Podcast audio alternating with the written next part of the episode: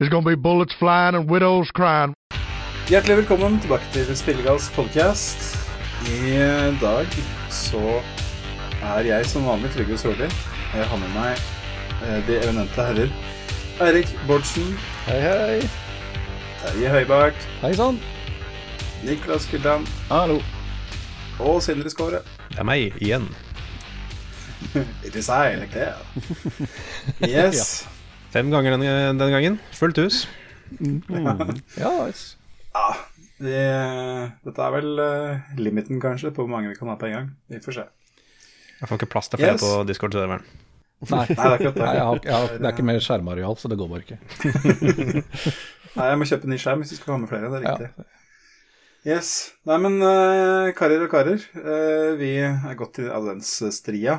Har dere stridd noe særlig med advent så lenge? Nei. Nei, da går vi videre.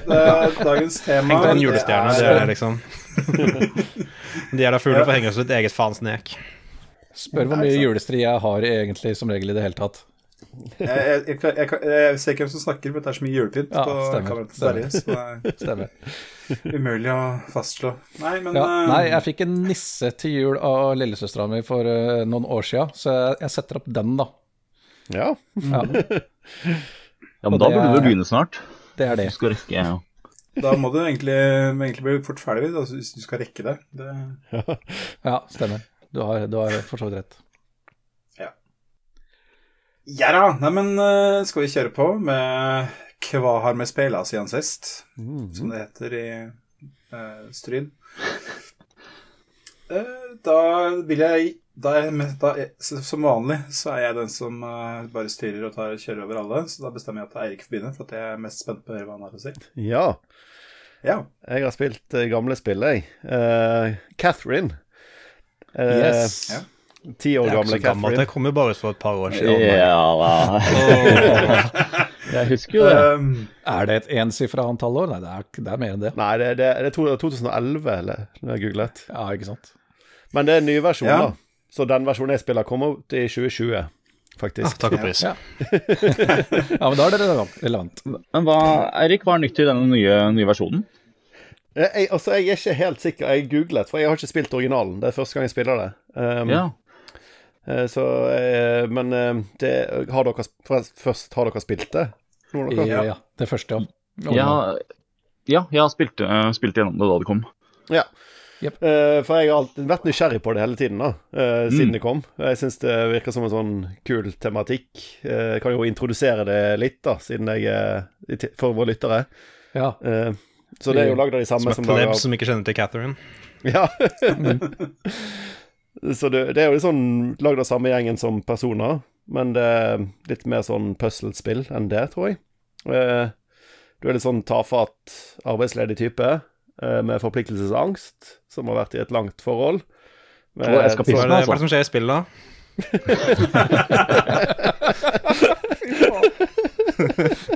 Er vi der allerede?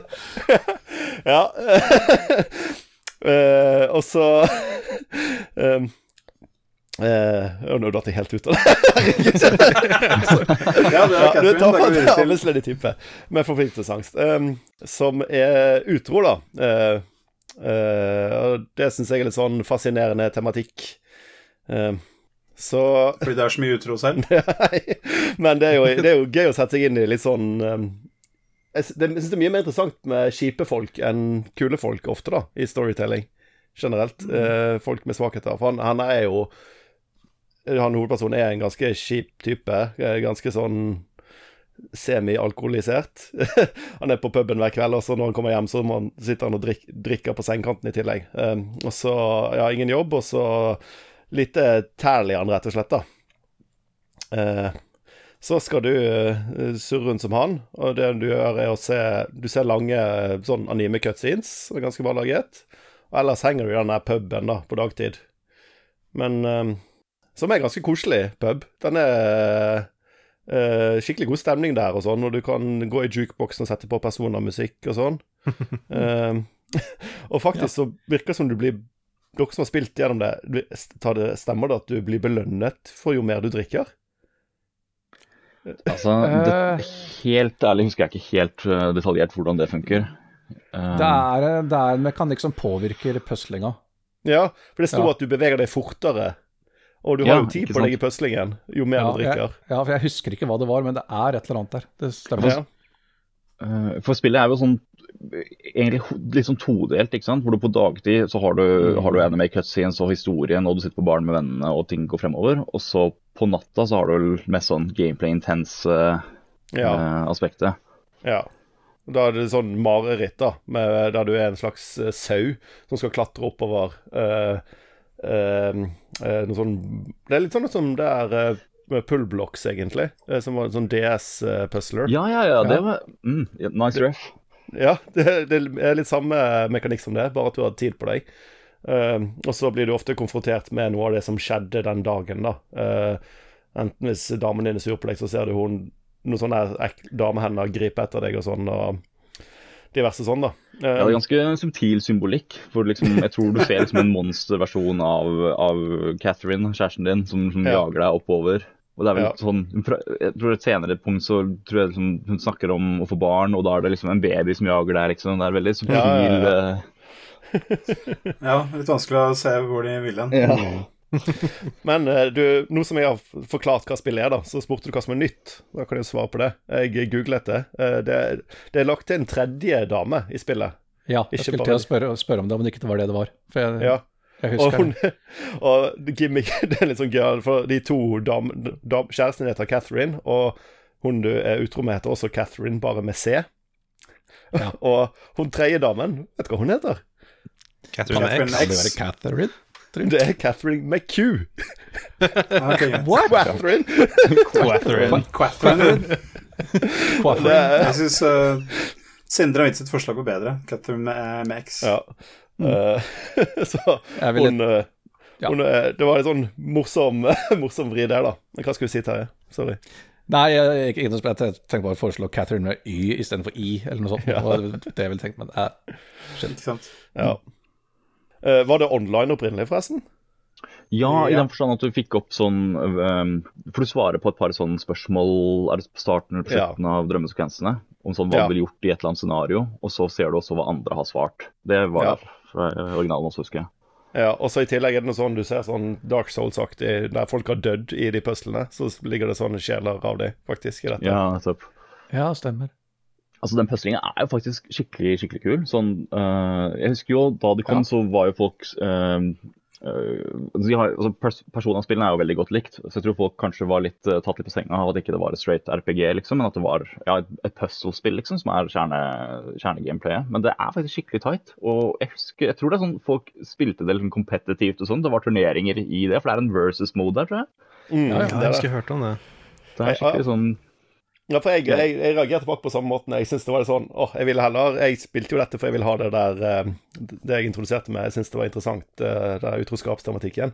Så jeg synes bare Åh, holder meg tilbake den kjipe puslingen. Men når jeg, eh, på den andre natten så var det sånn bare Åh, nå var det kjipt at jeg ble ferdig. Nå vil jeg egentlig heller holde på med det enn å høre om det utroskapsknollet.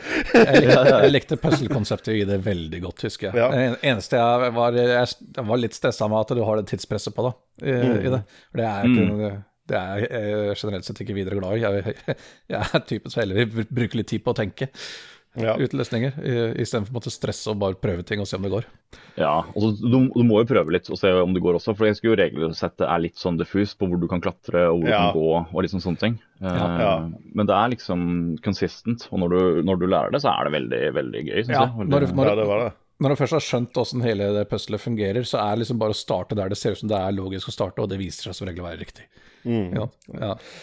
Og det er òg nytt. Du kan velge å få alle puzzlene remixet med at eh, i stedet for være For det er bare sånn enkeltkuber, uh, sånn kvadrater, eh, originalt, tror jeg. Eh, og, men du kan også velge å få sånn Tetris-blokker i stedet. Sånn av forskjellige former og sånn. Ja. Du drar i og sånn. Um, så det dobler jo på en måte spillmengden, da, hvis det er puzzlene man er interessert i. altså, det er jo topp tre former, Tetris-former, altså hvis du skal velge noen former å legge til. Ja. ja, det er jo L-blokken, da, er jo veldig kul. Ja, Jeg vet ikke. Kul, kul S eller en penis føler jeg kanskje går litt, og de tror jeg tar eh, seierspallen egentlig når det kommer til kule former. Ja. Ja. Ja, men nå, nå er vi over på neste ukes tema. Det er jo eh, topp fem Tetris-former. Ja, ja, ja. Ja, Endelig skal det rangeres. Ja, ja. der har vi i hvert fall halvannen time å slå i hjel med en gang. Var ikke de sånne sære navn også? Jo, tror de har det. ja, det heter bare LJZS uh, og så videre. Det Ja, jeg tenker kanskje ikke så noe veldig Det er bare sånn cirka altså, hvilken bokstav de ser ut som. Tetriminos, er det det heter? Hva, hva er det liksom? Ja, Tetomino er vel de som er fellesnevneren, ja. Ja. Jeg mente å huske at de Ja, hadde sånne individuelle sære navn, sånn som sånn, eh, Unextinguishable eh, Ambition og sånne ting. Sånn, Ja, hold kjeft. Ja, ok. Det har de, det har de sikkert i noen, noen japanske utgaver. Nei, men det er jo poenget er at det, det, det, eh, former som består av fire klosser, heter tetrimi, nei, tetrominor. Og så har de kalt de for tetriminor, for at da blir de Tetris. Det Ah. er veldig kult. Ah, ja. Akkurat. Mm. Men tilbake til spillet. Stemmer, stemmer det at det er ganske kort, eller? For det, de hinter liksom til at det skjer noe på dag åtte. Altså, jeg fullførte det, så ja, det må jo nødvendigvis være det. For at jeg skal ha klart det. Ja, men du, det, kan, det ringer en bjelle når du sier dag åtte, at det, ja, at det liksom gikk over en uke, det spillet. At det Ja. var greia. Ja, men det passer bra. Jeg tror, jeg tror det kan bli Jeg tror Jeg har spilt halvveis da, i så fall, og da, jeg tror det kan bli litt vel langt hvis det skulle vært så mye lenger enn det, kanskje. Ja, men ta det med en klype salt, da, for den der elleve år tilbake, det er Er ikke det Ja. jeg er best på å huske? Mannsalder. Ja. Nei.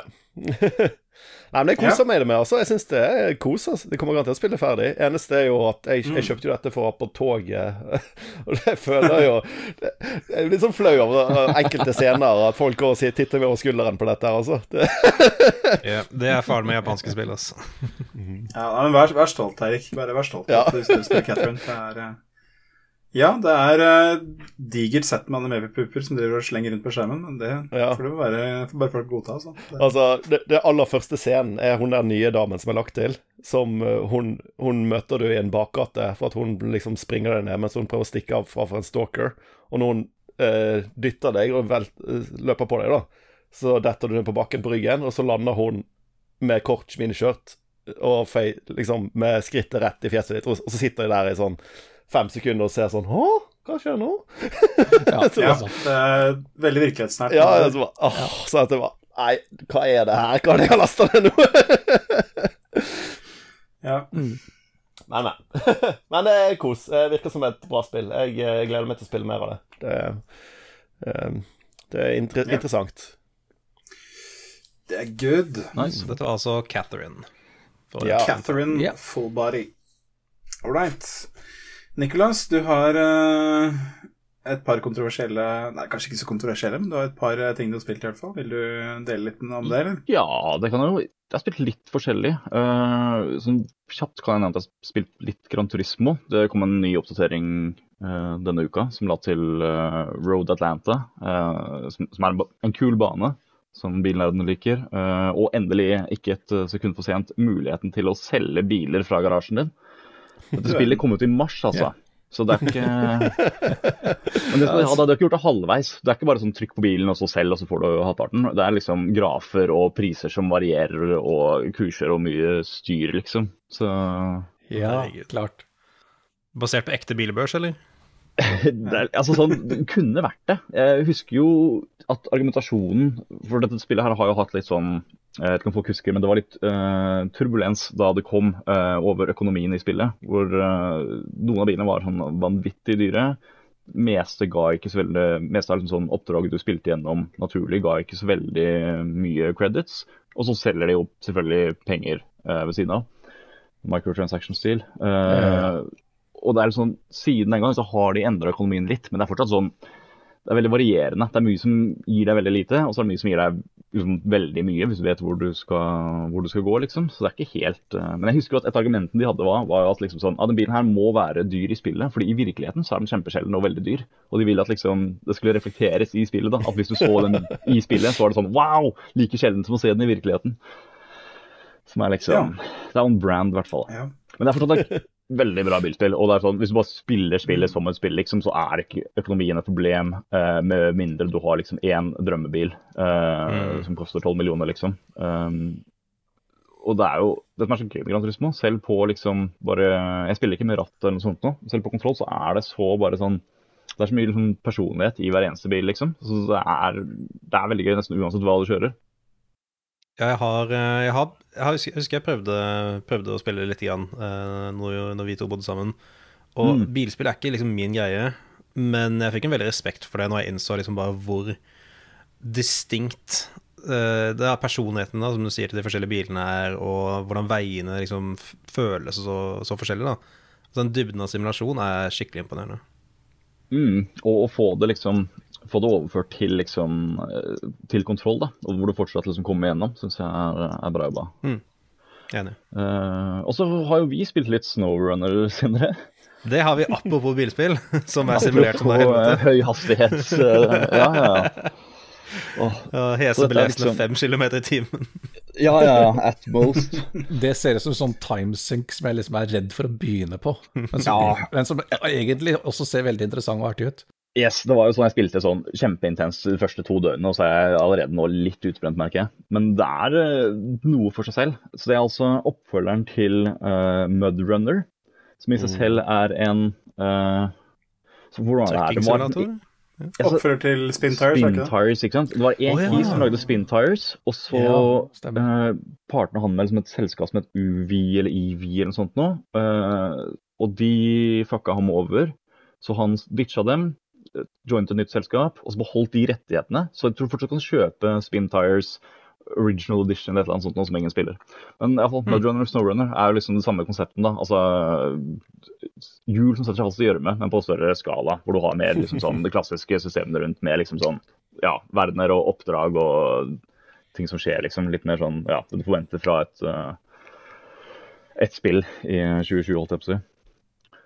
Eh, Ja, for dette er et det spill som er... simulerer å kjøre seg fast i gjørma med svære overlessa lastebiler midt ute i middle fucking Norway i Michigan og Alaska og sånt.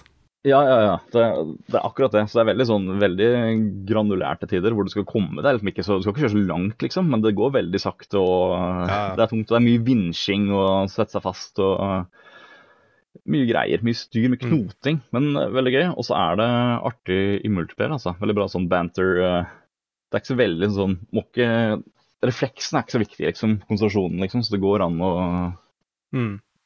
Ja, litt avslappet spilling.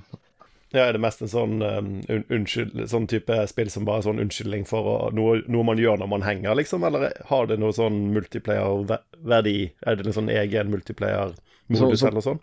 Så Multiplayeren er vel bare det at uh, Som det virker helt likt med singleplayer, bare at andre kan, opptil tre andre kan joine saven din. Uh, og da er det din save man gjør liksom faktisk fremgang på, i den forstand at man liksom låser opp nye områder og fullfører oppdrag. Men Ja. penger og uh, Experience biler?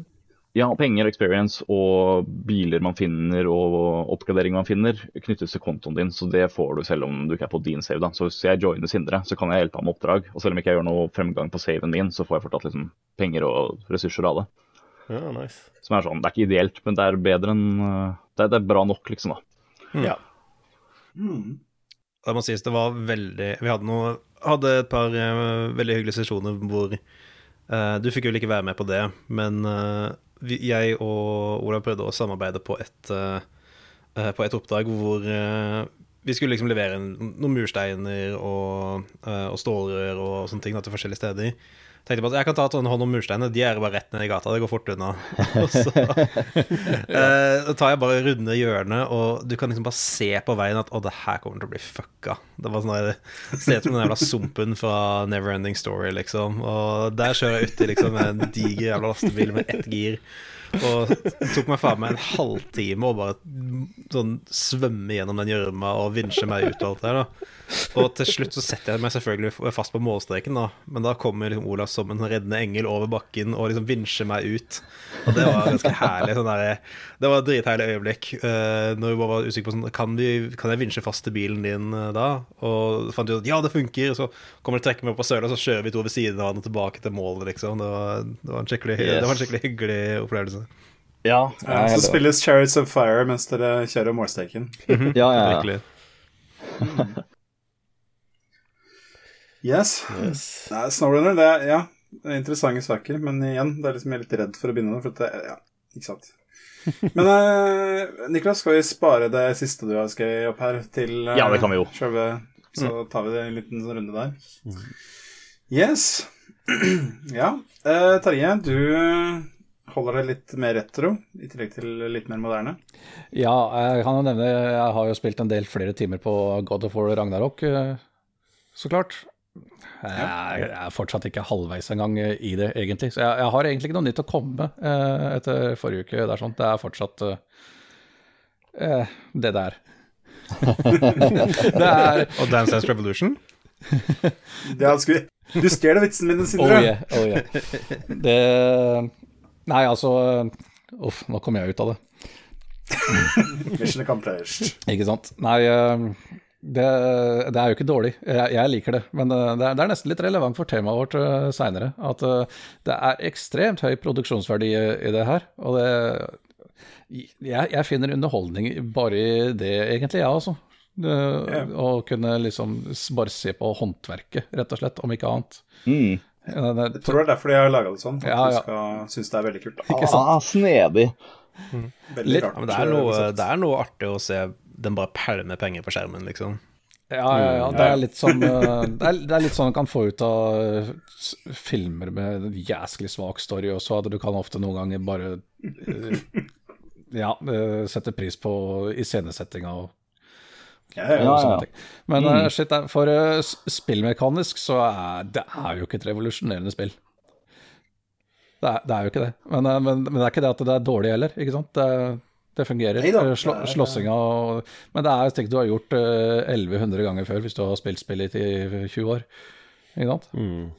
Ja, altså for en som ikke har spilt det, og bare spilte forgjengeren i noen timer, eh, så virker det jo som, eh, som de fleste trippel A-spill, som et Ja. jevnt over ganske safe spill på de fleste områder. For all det liksom bra håndverk og godt gjennomført og sånn, men jeg har kanskje ikke så veldig mange eh, sjanser som blir tatt. Eh, Så langt som jeg har spilt, så gjør det spillet her ikke noe enda som ikke det forrige spillet gjorde.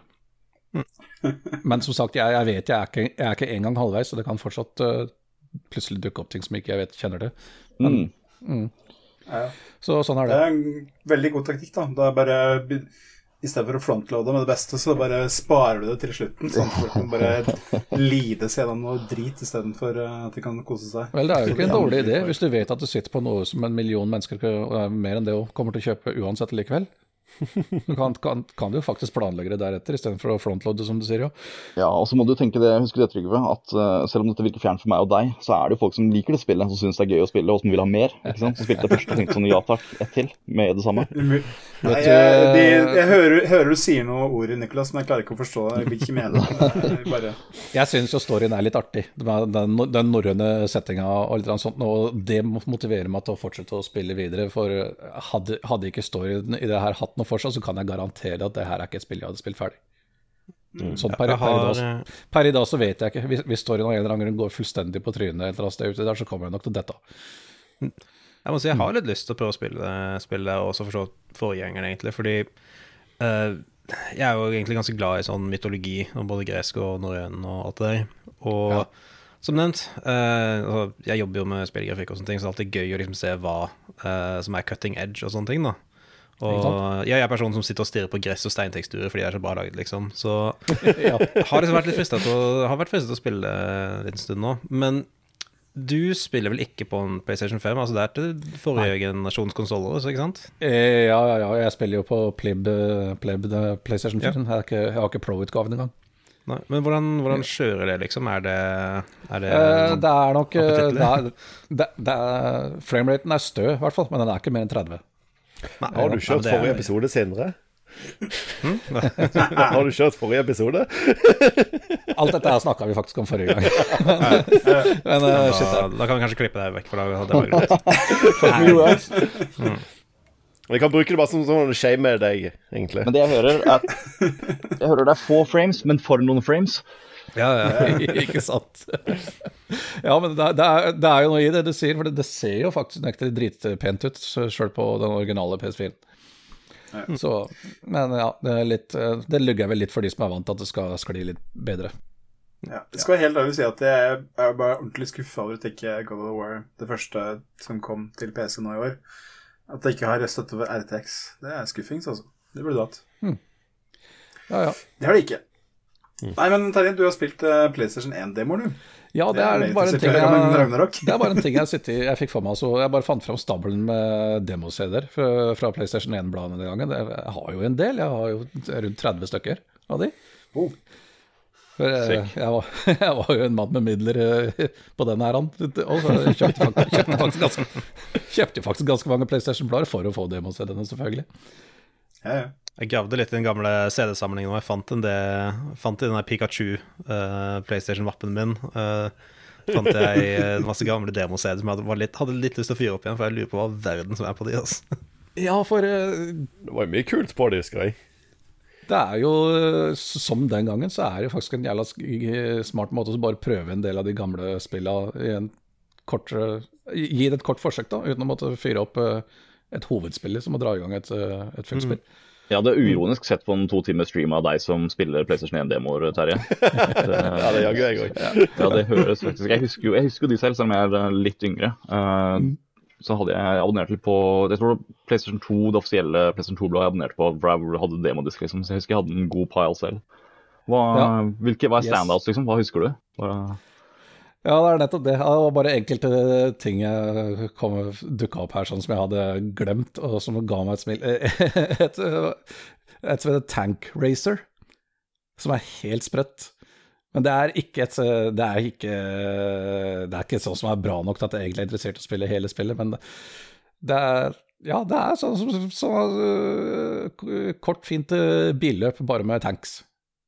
ja, ikke sant? Det står Ja, til sånn ut igjen. Ikke sant?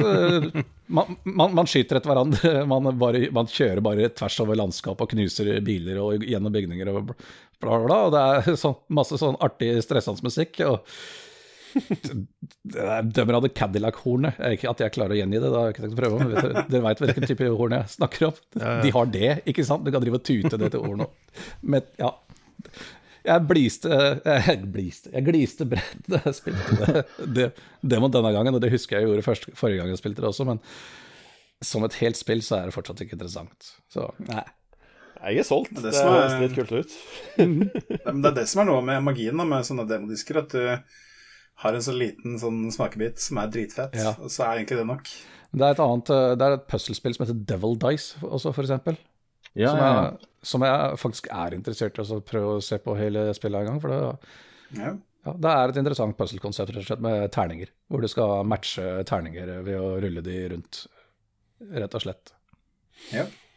Så, som barn hadde jeg sånne, sånne demodisker. Det var, en, det var noen demoer jeg spilte Sannsynlig Jeg spilte demoen mye mer enn noen jeg spilte hele, hele spillet. liksom, for jeg fikk aldri Først da ja, fikk jeg hele spillet, så var jeg egentlig lei det. Så du spilte bare demoen om og om igjen. og så Så jeg må ha nesten 100 timer i Diablo 2-demoen til PC. Men det, disse demoene de gjorde nytta si, for det var ganske mange spill jeg spilte på demodisk som jeg da endte opp med å kjøpe hele spillet et, i etterkant, som jeg antakeligvis aldri hadde kjøpt med ikke Ja, samme her. Ja. Samme her. Ja, for det, jeg, jeg tenker jo det er jo det, er jo liksom det logiske, vil du tro. Men jeg husker jo den linja ble dratt da uh, Var det ved starten av liksom, forrige generasjon eller noe sånt nå, når det var bare sånn færre og færre demoer. Og folk bare sånn Nei, men det viser Ja. seg at folk kjøper ikke spill når det er demoer, liksom. Det var liksom en linje vi ble veldig tydelig servert. da, At det viser at demoer det lønner seg ikke, og derfor er det ikke noe demoer, og det er egentlig bare bra, det. Ja, for min del er det bullshit. Men, eh, det kan, men det, det kan godt hende de sitter på markedsundersøkelser som sier noe annet, selvfølgelig. Um, Ja, jeg kan ikke huske å ha kjøpt noen spill som jeg så på, som jeg så på demodisken, men det var fordi måten jeg gjorde det på, var at jeg vanligvis bare gikk inn i en spillbutikk og så om de hadde noe jeg kjente igjen. Så ja, ikke sant. Jeg husker eh, På PC så var det jo mye jeg kjøpte som jeg hadde spilt uh, shareware eller demoversjoner av. Dissent husker jeg. Ja, Psycho Pinball kjøpte jeg, for at det utelukkende pga. at demoen var så jævla fett. Ikke sant. Theme Park husker jeg. Mm. De kjøpte jeg. Er ikke. Quake- er- er ikke Quake også en sånn klassisk sånn spill som hadde en demoversjon som ble spilt mer enn det faktiske spillet? Sikkert. Men eh, det var, ja, Quake er også et eksempel. Jeg Mm. spilte demoen i filler, og så kjøpte jeg hele spillet. Regner vi typ som shareware som demo her, eller er det Ja, Quake var shareware, ja. mm. Ja, for noen shareware-versjoner var jo dritlange. ja det, altså, Shareware-versjonen av Quake er hele første episode. Ja, ja, Ja. de var gjerne liksom en, en tredjedel av spillet, omtrent. Mm. Ja, Eller en fjerdedel, da. Ja, fjerdedel er, ja. Men ja. I Quake er det det. Ja, du nevnte Theme Park, og en av demoene jeg testa, er jo Theme Hospital igjen. Ja. Ja, det kjøpte jeg heller aldri full eh, versjon hele spillet av, men det er liksom noe jeg hadde, jeg hadde fint gjort det, hadde jeg sett det i butikken den gangen. Sant? Ja. Så det er, noe, det er ganske mange sånne PlayStation 1-spill som jeg liksom hadde det Som jeg visste om, enten hadde lest om eller testa demoen til, som jeg antagelig hadde kjøpt hadde jeg sett dem, men som jeg rett og slett bare aldri så. Ja, så det, er, så- det er sånne spill jeg gjerne går tilbake på en emulator og finner fram og, og tester nå i ettertid. Av og til. Ja. Så det, det vil man nok stadig høre om her i poden. Men lenge siden sist. Ja, nå er, jeg, nå er jeg litt redd for om jeg gjentar meg igjen, for jeg husker jeg pratet om det her for ikke lenge siden, men jeg vet ikke om det var på podkasten. Før vi beveger oss videre, uh, siden vi pratet om PlayStation 1-demodisker Dette var en ting jeg hadde lyst til å shoute ut eh, under Halloween-episoden, hvis jeg fikk delta på den. Og det er jo et prosjekt som heter The Haunted PS1 Demodisk-prosjektet. Ja, ja, ja. Oh, jeg har hørt om det. Hvor, ja, hvor det er en kolleksjon av sånne lofi uh, indiespill, rett og slett. Uh, hvor hele greia er at de skal gå for sånn PlayStation 1-estetikk med sånn ja, svømmende teksturer og, eh, og lav, eh, lav posisjonspresisjon på vertexen og sånt. Alt som popper og wobler på en måte, da. Er det Jaggis, eller? Ja, Jaggis. Jeg har masse Jaggis. Oh, baby. Uh, og, yes. Og uh, nei, basically hele prosjektet er bare at det er en haug med forskjellige indie-devs da, som uh, lager sånne små sånne horror-demoer, da. Uh, og så samles de på den der Haunted PS1 Eh, disken da, som en sånn der samle... Det er basically en launcher da, for alle disse forskjellige spillene. Men de er liksom lagt opp til å være litt sånn som de demodiskene har. Alltid en sånn der overdesigna sånn der, ja. sånn interaktiv meny og sånne ting. Um, Ikke sant? Ja, de, de, mm. prosjektene er jævlig kule. Anbefaler en titt på det. Ja. Det er rett og slett bare jeg Tror du bare finner alt på Ja, jeg fant det her nå. Hauntedps1.hio Der ligger alt. Eh, alle ja, selvfølgelig. Ja. Herlig. Må jo innrømme at jeg spiller for det aller meste på emulator nå i dag, sjøl om jeg har en Hei, hei, hei, hei, hei, hei. Du sletter de etter 24 timer? Ja da, ja da, ja da. Vi har vært gjennom det der. okay. Så nei, det er en PlayStation 1-emulator som heter Duckstation, som er veldig bra. Det var vel Trygve egentlig som anbefalte den en gang i tida. Og, og den tar den automat Den rendrer jo i mye høyere oppløsning enn det som er opprinnelig, og den fikser all den der janky grafikken, som den der floating points og alt det der som Hvis, snakker hvis du vil, da. Du kan ha det på hvis du vil. Ja, ja, ja, du kan slå alt av sånn at det blir seende helt originalt ut, men uh, jeg, jeg, jeg, jeg, jeg fikser på det. Ja. Det er greit. Same. Yep. Yes. Ja, men Sindre, du har uh, kost deg glugg i hjel, ser jeg, med to knallspill. Ja, apropos retrografikk og lofi-estetikk. Um, jeg har nå endelig rota meg til å spille uh, Return of the Oberdin, som er et spill som Yes. lenge har vært på backloggen min. Eh, Og ja, hva er det man kan si? Det er et knallspill. Sånn, eh, jeg tror alle samtlige har vel spilt det, tror jeg. Uh, det virker i yes. hvert sånn, grunn av all hoiingen og klappingen. Uh, Ja. Få legge inn det i klippen. ja, La meg bare Sånn stokksound. Da skal inn tracks et eh, Will, ja, William Scream inni der, så er jeg i mål. Ja. Men jo, uh, først litt om spillet, da. Um, premisset til spillet er Høres ikke så jævla spennende ut, egentlig. Uh, det er rett og slett at det er Det er vel en gang på 1800-tallet eller noe. Uh, hvor det er et skip som heter The Oberdin, som har kommet tilbake i havn etter en forferdelig ulykke. All, alt mannskapet er, er døde. Og du er Hva kan jeg si den, den, Forsikringsagent, klassisk, er den, vel? ja, er den klassiske, liksom, heroiske protagonisten, en forsikringsagent, som er sendt dit for å etterforske hva som har skjedd. Um, og da rett og slett du går, om, eh, du går på ombord på skipet her, og så må du rett og slett bare Du har liksom en notatbok med liksom eh, Du har navnene til alle, alle, alt mannskapet uh, i en liste, og så er du nødt til å finne ut hva er det som har skjedd med alle sammen. Og um, der spillet tar en litt sånn spesiell vri, er jo det at eh, du har også med deg et, eh, en magisk stoppeklokke. eh, som lar deg Du trekker den fram du, hvis du finner et lik, kan du trekke den fram, og så kan du på en måte hoppe tilbake i tid og se et kort syn av siste tingen denne personen her opplevde før de døde. Det er sånn at er vel sånn små Det er vel som et diorama, er det ikke det? Hvor alt står stille. Ja, Du får, du får noen linjer dialog eller noen lydeffekter, og så kan du navigere Ja. deg rundt i et diorama av den scenen. Ja, ikke sant? Ja, for det er ikke, det er ikke sånn at du ser gjennom øynene til den personen. Det er det at uh, du blir liksom transportert tilbake dit, du kan gå rundt omkring. Og der, det skjer på ganske interessante Altså, det brukes på ganske interessante måter. Fordi det mest opplagte er sånn her OK, du eh, du er tilbake i tid, du ser den personen her bli skutt i trynet. Da, ok, da vet jeg hvordan han døde. Men, da, men du kan også bare gå vekk fra det liket og se litt rundt i rommene ved siden av. Og der er det plutselig andre folk som står og prater, og du ser kanskje en som trekker ut en kniv, og du innser bare sånn Ok, her har det skjedd et eller annet samtidig. Og da finner du kanskje det Ja. liket ha- til, den til en av personene i det rommet der senere. Uh, men uh, du kan liksom ikke se Altså, han har en kniv i ryggen og har blødd ut, så du vet ikke hvem som stakk han. Uh, eller du kan ikke se personen som stakk han idet det skjedde. Eh, men du kan, basert på at det du så en annen person trekke fram en kniv i det andre rommet i det tidligere synet, så kan du inferere at ah, han ble knivstukket av den personen er i en krangel. ikke sant? Ja. Så hele spillet da handler da om å bare navigere disse synene. eh, Hoppe mye frem og tilbake i tid og bare etablere en slags sånn timeline da av eh, hva all verden er som skjedde om bord på denne skuta her, som gjorde at uh, hele, hele mannskapet gikk tapt. Genuint skikkelig sånn briljant sammensatt, altså. Sånn eh, eh, Det er liksom i den klassen av spill som jeg skulle ønske jeg kunne ta den der eh, flasheren fra Men in Black og bare slette minnene mine fra, så jeg kunne spille, spille på nytt igjen, liksom. Fordi Ja, veldig tilfredsstillende mysterie. Veldig kul presentasjon. Altså, spillet er i 3D. Eh, men det ser ut som et gammelt sånn Macintosh 1-spill. Sånn Ja. sort og hvitt og masse dithering og kornete teksturer og Ja, det er bare oser stil. Det, det, Ja, det, er, det, er, skikkelig kongespill. det, er bare, det er bare to farger, alltid. Ikke sant? Ja. Mm. Og, men, du har, at eh, eh, men du har en god, av ja. ja, nei, du har en god del valg i innstillingene nøyaktig hvilke to farger det skal være. Eh, Så det kan liksom være basert på ganske mange klassiske systemer. Ja, det syns jeg var gøy. Ja, ja. Til og med Commodore 64-fargene er der. Lyseblå. Yes, de er, Ja. ja, de er vakre, vakre i kjernefargene. Gjett om ikke det var det, det jeg spilte i hele veien. Og du har, ikke fått, du har ikke brent igjen i hjel alle pikslene på TV-en din, liksom? Nei, nei. Ikke sant? Ja. Men det er en, en annen ting som er, er veldig kult med Oberdin, er at det er jo Lucas Pope har lagd nesten hele spillet alene. Ja, og det er Ja. faktisk helt det utrolig. er Sånn, sinnssykt. et av de tydeligste, liksom sånn, klass, beste eksemplene på bare autørteori, føler jeg, det spillet der. For det er sånn, jeg sliter veldig med å forstå hvordan du kunne lagd noe som er så perfekt, liksom, henger så godt sammen, er så sammenfletta, og så liksom sånn, det er så sånn detaljrikt og helt liksom sånn tydelig at det er akkurat det han ville lage, liksom. Det er ikke noe liksom, sånn focus groups som er eh, ødelagt, eller det er liksom sånn, det er bare helt liksom akkurat. Og han har liksom han har lagd uh, altså, sånn, design spillet, bygd alt. Han komponerte musikken.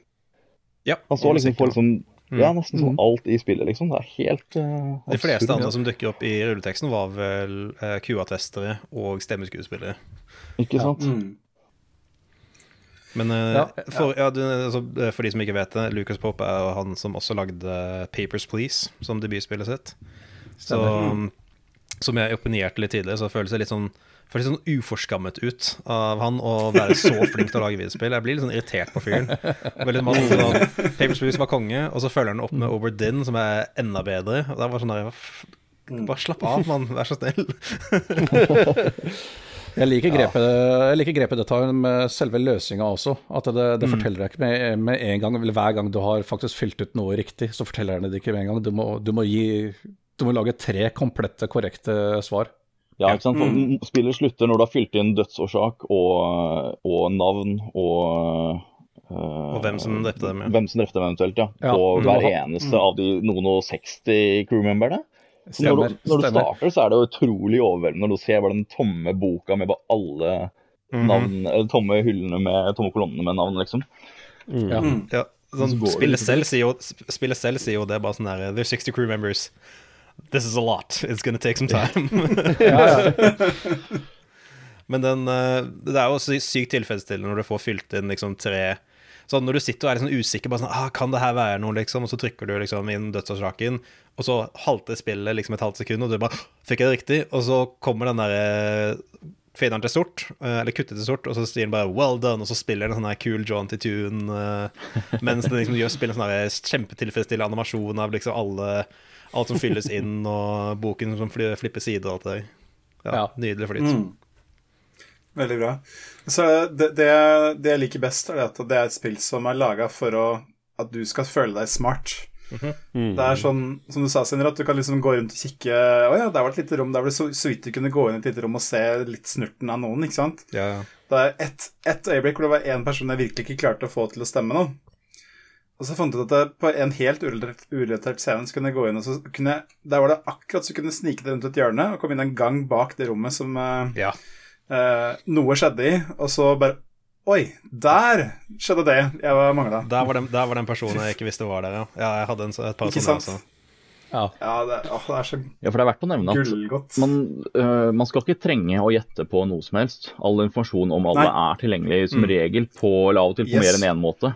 Uh, Men samtidig så kan de også Mm. bruke, kan de jo bruke litt kvalifisert gjetting, og ikke minst uh, mitt favoritt-gameplay-moment, rasisme, til å, til å øh, spekulere. Racial profiling, ja. Det er det, vet du. Må man, så må man. Det var Til og med mot det var- franskmenn. Det var faktisk en av de tingene jeg var ordentlig stuck med på slutten. Da jeg bare hadde noen få folk igjen å løse, var at jeg hadde forveksla to personer. For det var en, var en jeg var overbevist om var kineser, som var britisk. Mens den tilsvarende motsatte personen var- en brite som jeg var overbevist var kineser. Og det, jeg var liksom fullstendig stuck, for det Ja, du ender også opp å få sånn derre Altså, det er et spill uten eh, for det, er- det et spill liksom uten noen særlig konflikt, egentlig, da, sånn som du spiller. da Det er ikke noen sånn fiende og alt det der, da. Men du får på en måte noen sånne antagonister, da, ved at det er den ene personen som dukker opp om og om igjen, og du bare Ja. skjønner ikke hvem faen det er. Og det er bare sånn hver gang du åpner en sånn ny sånn døds, eh, dødsscene og ser deg rundt og bare sånn Faen, der er han igjen. Altså bare sånn Å ja, har, har, du, har du noe på deg nå, eller som kan kanskje hinte om hvem du er? Nei, nei, ikke det. Jævla rasshøl. Og så går det videre. Yes. Yep. Nei, det er knallspill. Vi snakket jo så Mm. vidt, det så vidt om det litt, vi to Sindre. Jeg tror liksom Hvis jeg skulle jobbe veldig hardt med å, med å sette fingeren på noe jeg ikke syns er liksom helt perfekt, så tror jeg kanskje bare det at liksom den måten med å At man, man øh, At den bekrefter tre og tre svar, da. Ja, det er litt å Eh, game det. det er litt sånn gamete. Du kan game det litt, men samtidig så har jeg ingen forslag på hvordan du skulle løst det mer elegant. Eh, Nei, for det hadde, funker jo. Hadde den bekrefta én og én, vet du, så kunne du brute force av det lett. Ikke sant? Og du Mm. kan jo fortsatt gjøre det ikke sant? ved at du har to som du er sikre på, og så kan du liksom Ja, teste litt. ikke sant? Hvis du, ikke sant? du kan, ta, Det du kan velge det var, feil med jeg gjorde det på et Ja. folk, ja. Mm. Men det er Ja, ikke sånn, det er veldig, veldig nitpicky, uh, og ikke egentlig et problem, men bare en sånn Nei. Det tjener jo også det formålet at du, du skjønner jo at sånn um, Hvis du løser to stykker som du er helt sikker på, og så innser du bare sånn Vent et øyeblikk, det var to andre enda tidligere som jeg også følte meg ganske sikker på. Da vet jeg at disse to er feil. Så det, det, det svinger også litt sånn i begge retninger, da, sånn at det er faktisk et nyttig verktøy for å bekrefte eller avkrefte om mistanken din er riktig eller ikke. Ja, ja, ja. Mm. Det er bare for Hva, å hva tror du er oddsen for at Lucas Pope har tenkt, tenkt på akkurat det der? At folk kan game systemet, og at han tenker at det er en tilfredsstillende greie i seg sjøl? Ja. det sa jo For i tutorialen at uh, du kan bruke process of elimination til å gjette en del. Så la liksom litt Ja, opp til- sant. Mm. ja, og det er jo ikke ødeleggende og sånn. Eh, Nei da. Jeg, jeg var litt sånn sta at jeg skulle ta så mange jeg klarte før, eh, før jeg gikk videre til neste del av spillet. Hver gang. Jeg hadde et par øyeblikk hvor jeg fant et par clues. Når jeg så det, så tenkte jeg bare sånn Ah, skulle ønske jeg ikke liksom hadde, hadde cheesa han der tidligere, for det hadde vært veldig tilfredsstillende å få akkurat nå. ja, Mm. Men, Ja da. um, Men det, et, uh, et spill som gjør uh, litt samme greia som uh, Oberdin, uh, som vi nettopp pratet om, eh, er et annet spill jeg plukket opp, eh, som Jeg faktisk plukket det her faktisk opp før Oberdin, Uh, og det var faktisk grunnen til at jeg endte om å spille Oberdin i det hele tatt. Og det er et som heter uh, The Case of the Golden Idol. Og det kjører veldig lik sånn Rent sånn, rent sånn spillemekanisk kjører mye det samme premisset, da. At uh, det er ikke det at du er er, Du er ikke en person i historien, da. Det er mer, at du, det er mer abstrakt, da. Uh, du blir rett og slett vist uh, sånne forskjellige scener, eh, eller tablåer, eller hva enn du vil kalle det. eh, I 2D, da. Altså dette her er håndmalt sånn 2D-malerier. eh, som vi viser en eller annen eh, eh, hendelse, da. Eh, eh, det minner litt om eh, Igjen, dette er også litt sånn retro, retrografikk. Det minner veldig om sånne gamle pek og klikk-eventyrspill. Alt, alt ser ut som det er, liksom, er malt i deluxe paint på, eh, på en Commodore, liksom. Og eh, der er det slett at du kan liksom klikke deg rundt i scenen og inspisere uh, de forskjellige personene, og liksom hva de har på seg og i lommen og alt det der. da. Så du kan liksom uh, si for eksempel da første scenen du starter med, er Du får et lite stykke med dialog, og så har du nei, det er faktisk ikke dialog. Du, du ser rett og slett bare en mann som dytter en annen mann av en klippe. Og så bak dem så er det en liten leir med noen ryggsekker og sånt. Og så kan du liksom klikke inn på hver karakter, og de har et lite stykke dialog. Og så kan du se hva de har på seg, f.eks. en foldekniv og eh, noen gullmynter eh, og, en, signettring, liksom. Og den andre personen har et brev fra noen som du kan lese, og sånne ting. Og så kan du dykke flere lag da, inn i, inn i forskjellige objektene i scenene. Uh, og så kan eh, så er det highlighta tekst, da, som liksom er clues, som du kan trykke på. Og når du finner de, så får du det på en måte i et sånn inventar ned i bunnen av det her med navn og verb og objekter og sånne ting. Okay. Eh, og du, bare liksom, du bare leter liksom rundt i Du bare leter liksom rundt i scenen da, for forskjellige clues da, og informasjon du kan bruke. Og da Så litt kan sånn du point and eh, click, da, nesten. Veldig point and click, ja. ja. Ja. Veldig point and click-aktig.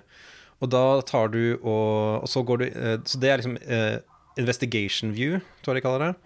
Og så trykker du på en knapp for å gå inn i thinking view, og da får du plutselig opp en sånn litt sånn Obadin-aktig, en sånn derre Uh, Nesten en triptyk da, av informasjon hvor det er På venstre side så står det gjerne en setning som sier uh, Blank and blank went to blank. There blank argued with blank and uh, okay. blank blank blank. Ikke sant? Og så må du fylle inn den setningen da, med informasjonen du finner i scenen. Og da må du liksom finne navnet til de to folka. Eh, det kan f.eks. være adressert til denne personen i brevet, f.eks. Der kan du få navnet til den ene. Eh, og på et annet sted altså kanskje er det brodert uh, lommetørkle i ryggsekken i leiren eller et annet, som gir deg navn til den andre. Så, eh, og så må det ikke bare sånn Du må fylle inn da alle disse blanke plassene i eh, denne, denne think, thinking viewen. Og så må du også identifisere alle, alle personene i scenen. Og så er det også, ofte så er det, og så er det avhengig av scenen, så er det litt forskjellige sånn bonusting da du er nødt til å liksom fylle inn. Som for eksempel eh, ved, en, eh, ved et middagsselskap da, hvor noen er myrdet, så må du finne ut hvem var som satt hvor på bordet og sånne ting. da. Ikke sant. Uh, er, hver, er hver scene liksom self-contained helt liksom Eller henger de sammen med en fortelling? Uh, de henger sammen som en fortelling. De er, de er liksom sånn, de er, de er self-contained, men det er, sånn, det, er en, det er en historie da, som fortelles gjennom hele. Ja. Så du ser mye av de samme figurene dukke opp igjen i Ja, løpet av historien. Og, uh, og ofte på litt sånn overraskende måter. Altså spill, den Historien går overraskende steder, uh, kan man si. Og, og er veldig godt sammensatt, uh, syns jeg i hvert fall. Det var en, okay. var en veldig sånn tilfredsstillende sånn liten plot twist på slutten og sånt. Så. Jeg gleder meg veldig til å spille. altså. Det høres Det- veldig, Ja, jeg har hørt masse bra om det. Det høres ut som mat for Mons, holdt jeg på å si. Jf. sånn, Ja, ja. sånn mer Obradin-aktig. Det føles veldig som det bare Det føles nesten Jeg vet ikke når det ble lansert, uh, og om de er direkte Tidligere inspirert av ikke eller ikke, men uh, veldig, Det var i år, tror lik, veldig lik sjanger. Ja, så The Case of the Fallen Idol, kalte den? Uh, The Golden Yep. Idol. The Case of the Golden Idol. Golden, Ja. ja, Fall, Fallen Idol var en film jeg Ja, så ja. her tidligere. Si er en av de en måte- tingene, jeg må si at en av de tingene jeg liker best med liksom, disse typer spill også, er at det er veldig uh, Det går an å spille med flere. Sånn, jeg hadde nok ikke orket å spille gjennom Jeg har farlig kort konsentrasjons, eller liten konsentrasjonsevne, men jeg hadde nok jeg hadde ikke orket å spille gjennom det alene. Men når jeg spilte Obradin med, med samboeren min, så var det veldig gøy. ikke sant? Når vi kan liksom snakke ut høyt om teorier og diskutere med noen. Siden det ikke er noe liksom sånn eh, det beste spillet har by på, er liksom ikke sånn, det er ikke det kinestetiske du får av å styre figuren. liksom. Det er jo Mm. ja, observere og tenke på ting. Ja, Ja. den, den ser jeg. Det, for jeg, jeg, jeg må innrømme jeg datt av Obradin, uh, og jeg spilte det alene. Mm. Så jeg angrer litt på det når jeg hører entusiasmen om slutten og sånn her, da. Men eh, jeg tror òg for meg det hadde funket bedre. Jeg tror det hadde funket veldig bra som sånn diskusjonsspill, rett og slett. Mm. Det, det er sånn spill som du liksom flommer over av når du har spilt det. Uh, Ja. Du har lyst til å prate med noen om det. Mm, ja, det føler veldig inn i ja, som Sindre sa, det er sånn spill du gjerne vil slette hukommelsen for å kunne spille Ja, ja, på nytt, liksom. Uh, samme Outer Wilds, så er det der i hodet mitt. Det er liksom sånn, jeg, veldig få spill som ligner, og de tilbyr noe liksom Ja. helt unikt og veldig flott. Jeg føler de tre liksom ligger litt i sånn samme, samme sjanger av sånn uh, Ja, det var sånn derre En annen type puzzlespill, da. Ja, mysteriespill er kanskje en god måte å beskrive det på. Mm. Jeg tenkte på det du sa, Sindre, om eh, Golden Idol. At eh, du har liksom Du har thinking, og så er det investigation. Uh, Akkurat som i virkeligheten. to faser. Ja, akkurat som i virkeligheten. Nei, men jeg kom på, Da tenkte jeg bare på et annet spill, mange år gammelt. Så, men det, og det, her, det her med liksom uh, uh, hvordan på en måte grensesnittet kan bare styre din opplevelse av ting. For jeg tenkte på uh, DS-spillet Ghost Trick, Ja. som, har, eh, to, som har to knapper i interfacet. Den ene er Ghost, den andre er Trick. bare det, på det, det er sånn liten herlig tanke. Ja, men Takk for at du nevnte det, for det var faktisk det, et av de spillene som liksom var, på, var på tunga eh, når jeg prøvde å beskrive det. Sånn, yeah. Måten presentasjonen er på, da, er veldig sånn Ghost Trick-aktig. At det er sånn side Sånn Jeg tror det er 2D-diorama du bare ser fra siden, liksom. Og så må du, yeah. må du finne ut av hva som skjer i scenen og, og sånt. Mm. Trick kan nevnes som at det er et av de peneste spillene som finnes på DS for øvrig. Ja, det er helt det er utrolig stilig. Mm. Yes. Ehm, eh, da vil jeg bare si et par ord om det jeg har spilt. Nå har vi vært veldig sånn oppe i den intellektuelle sfæren her, altså litt sånn tenkespill og sånne ting. Og pupper. Animepupper. Og pupper, selvfølgelig. ja. Så da, da nevner jeg mine to intellektuelle tungvektere. Det ene er da Pentevent, som jeg har spilt mer av. og Jeg skal ikke si så mye mer om det, for det veldig, blir veldig spoilery. Men øh, øh, det jeg vil si, er at Pentevent det er øh, jeg, hadde, jeg gleder meg til det, for det er Obsidian, og det er liksom uh, Josh Sawyer koser seg med å lage spill. Oh, det det? Men, det var ikke klar eh, over. Ja, det er, det er veldig preget av hans uh, lidenskaper, det spillet. Det er, sånn, det er lange tekster på tysk bare fordi at han liker tysk, tror jeg. Ja, sånn, kanskje veldig kjapt.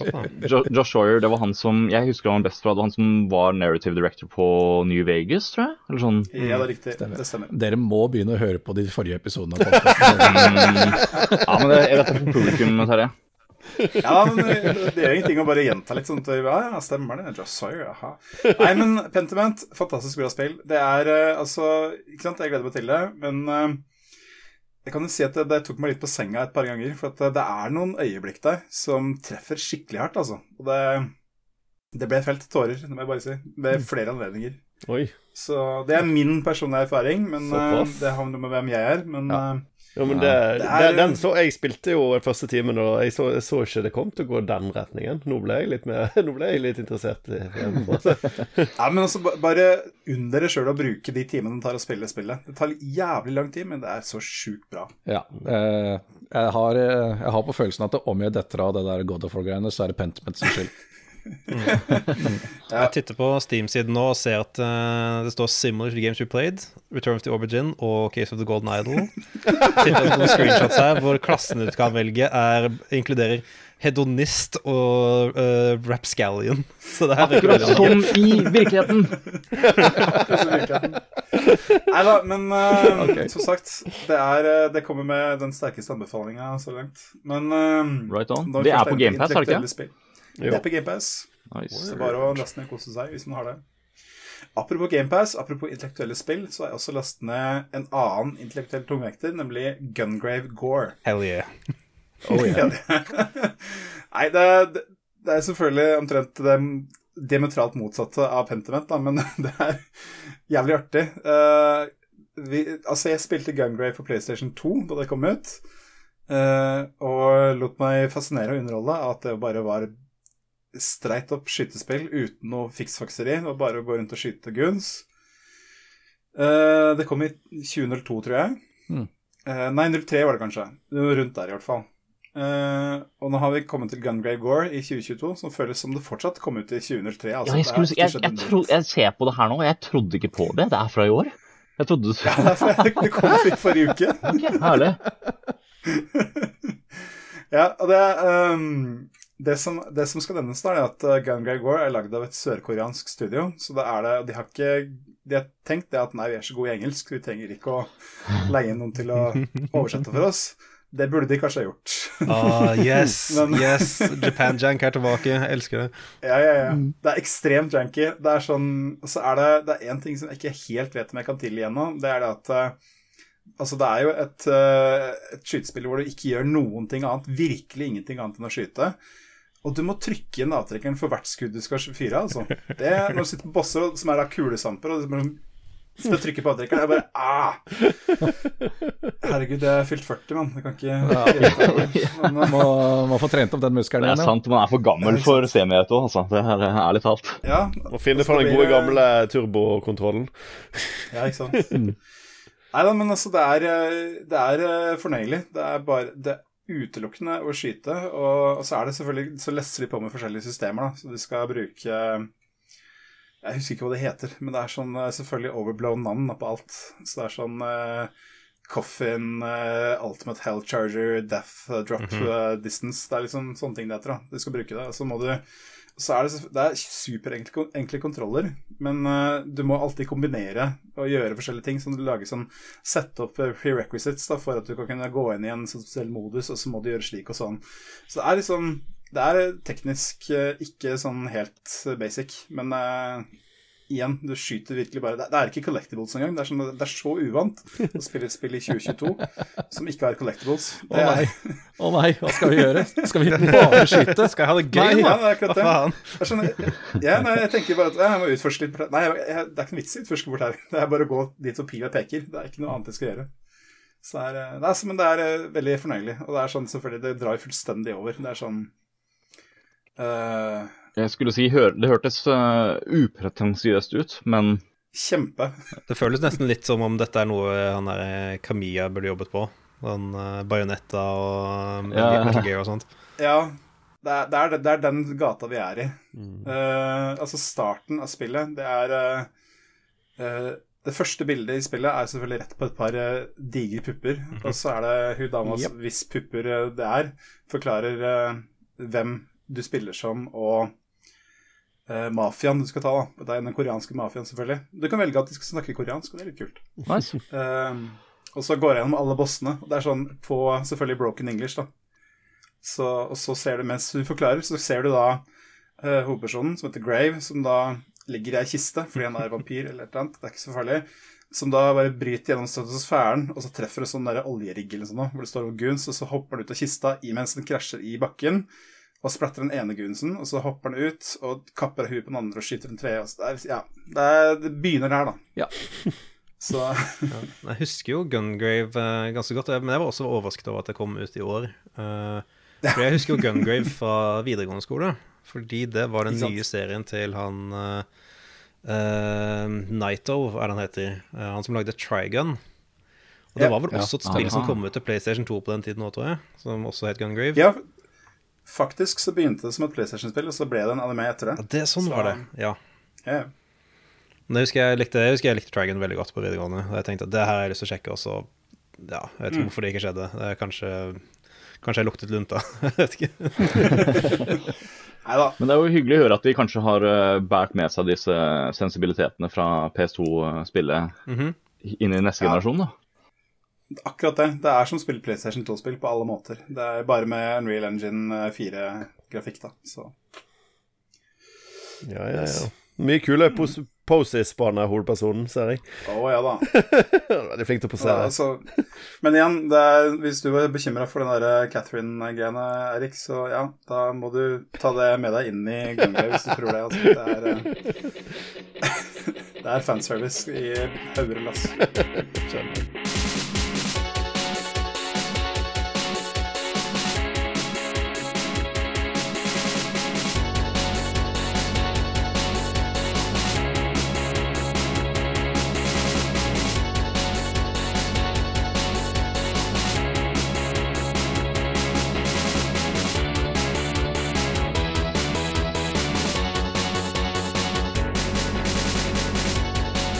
Da er vi klare for å dra i gang med ukens tema, dere.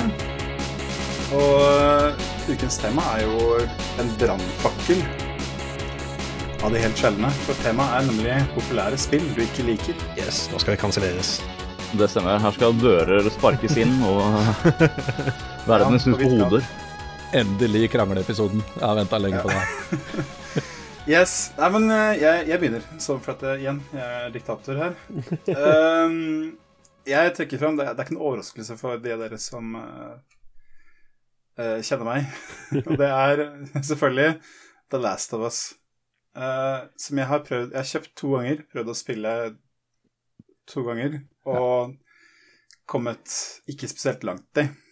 Å ja, så du har egentlig ikke liksom- spilt det, altså? Nei, Jeg bare, jeg bare sjekke hvor mye, jeg skal, hvor mye salt jeg må ta denne meningen med. Ja, fortsett. Det er bra. Det er bra. du har helt sikkert spilt altså- feil. Jeg spilte feil. Ja, det er selvfølgelig. Nei, men altså, for eksempel, altså, har jeg, jeg har fått vite fra annenhånds uh, opplysninger at det er crafting i spillet. Det bidrar ikke til Å ja, såpass, ja. Og det kom aldri så langt engang, nei. Det kan hende at jeg har craften også, jeg bare fortrengte det. Men uh, i hvert fall da, vi begynner med starten. For at uh, altså The Last of Us, er grunnen til at jeg tar det fram, er for at uh, da det kom ut, så var det sånn Å, ti av ti, Game of the Year, beste spillet noensinne. Herregud. Sånne ting. Uh, så Ja. ja, det, var, altså, det var jo det. Det har jo fått mange Game of the Years, og de har fått mange ti av ti og sånn nå. Ja, det har det. Um, og så selvfølgelig, jeg sier ikke at de som sier dette er feil, det er ikke det, er ikke det som penger med denne episoden her, sier at uh, din mening er feil, for det er jo teit å si. Det, jeg kan garantere at uh, min entusiasme for Gungrave Gore ikke deles av alle.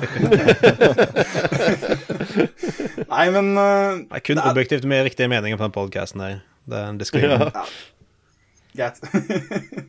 Nei, men altså, poenget med The Last of Us altså, det er de som For deg, det, det, du ene mennesket som, som hører denne podkasten, ikke har hørt om The Last of Us, så er jo det et uh, filmatisk uh, action-eventyrspill. Et narrativt epos. Hvor man da Et eh, interaktivt epos, absolutt. Interaktiv film. hvor eh, hvor eh, hvermannsen Joel må klare seg gjennom postapokalypsen uh, sammen med sin eh, eh, Fosterdatter. adopterte datter, er det det? Fosterdatter, ja. Som, heter, som også har et navn som jeg ikke husker i farta. Ellie. Uh, Ellie heter hun. Takk. Ja, ikke ja, Vi blåser i detaljene. Jeg tror det er lurt, lurt å gjøre det når jeg skal fortelle om The Last of Us også.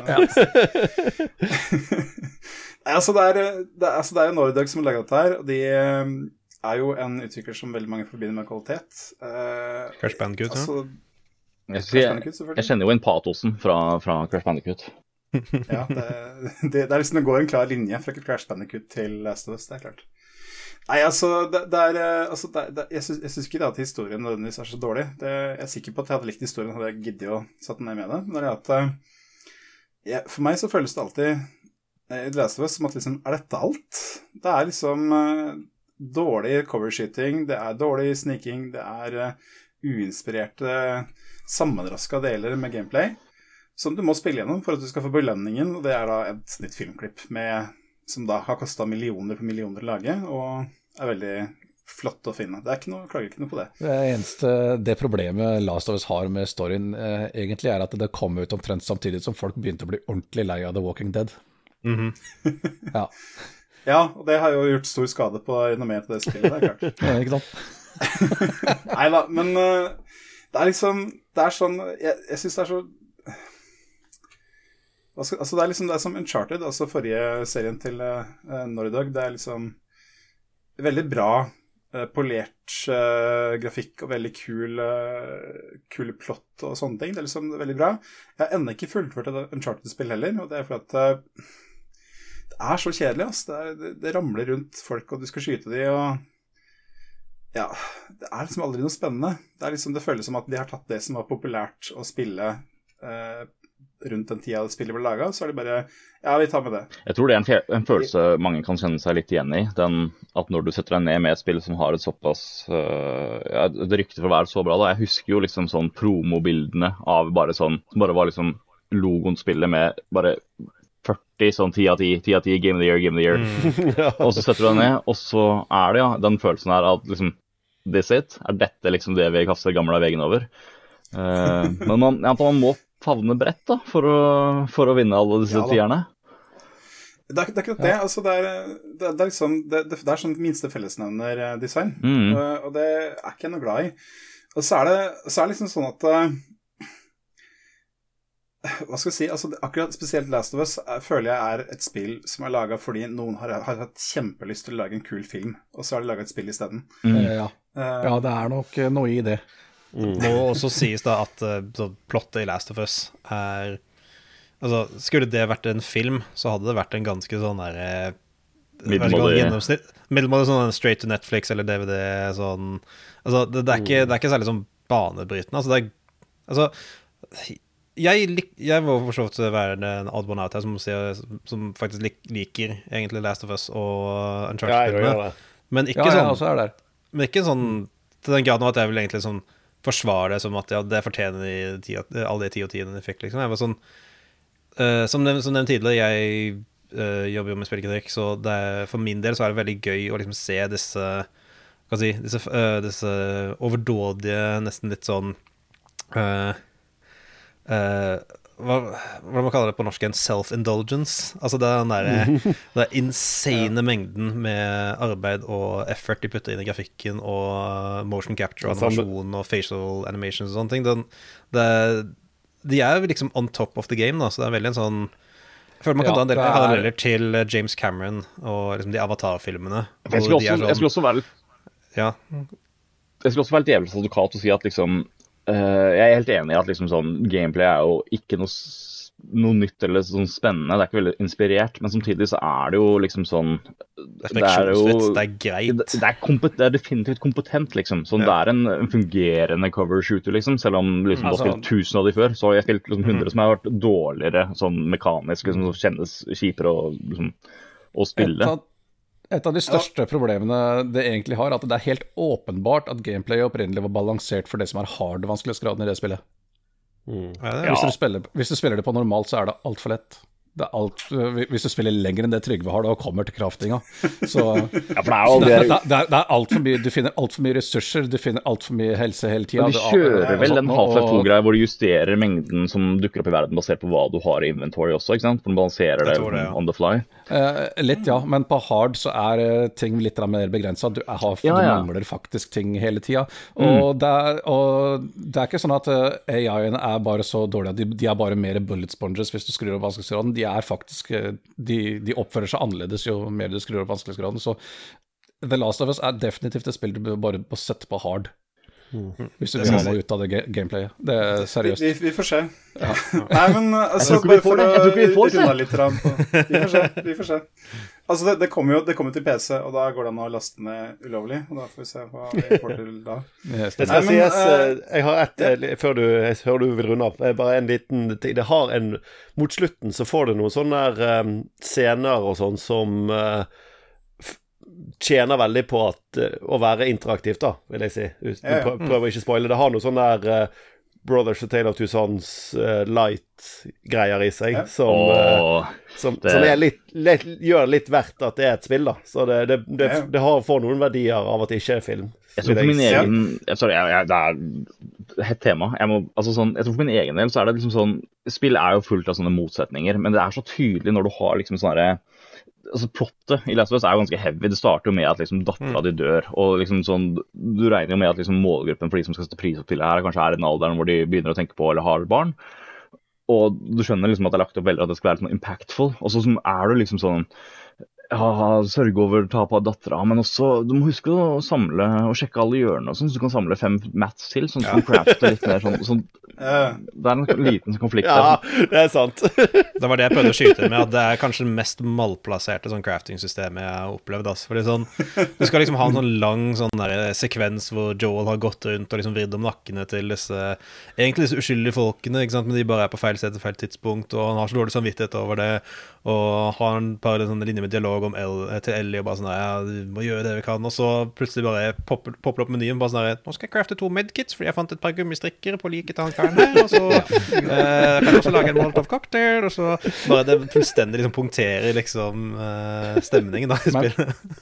Men jeg er, ikke, jeg er ikke enig i at gameplay egentlig er så svakt som men, eh, Som jeg sa i stad, du, må- du må spille det på hard. Men Mm. det jeg er enig i, at når spillet blir en covershooter det er, det er en svak covershooter. Ja, fy. Men det er et, det er et ganske sterkt steltspill. Jeg syns stealthinga var gøy. Likte særlig det med ordet. pil og pil og bue-gameplayet og stealthinga var artig, syns jeg. Ja. Men det er rart ja, at ikke Joel det utnytta det at hun Det har noen artige mekanikker med, med at enkelte av disse vesenene reagerer kun på lyd, men er ellers blinde og Ja. litt sånne ting. Men det er rart at ikke, at ikke Joel utnyttet det, det faktum at Ellie er helt usynlig for Ja. alle andre i hele verden. Det, det kunne du jo virkelig spilt på. Ja. Det er noe Det utrolig. er eh, det, det, Å, det der memet der sånn. Men, men tenk deg hvis, Om, om, om, om vi ikke hadde vært det om, Ja, ja, ja. Så, så kanskje da man skal tenke litt om hva man faktisk lager av spill. da. Så, ja, Tenk om liksom en av de mest grunnleggende tingene ved spillet ikke ikke var sånn her clown-shit, liksom. Sånn, Ja.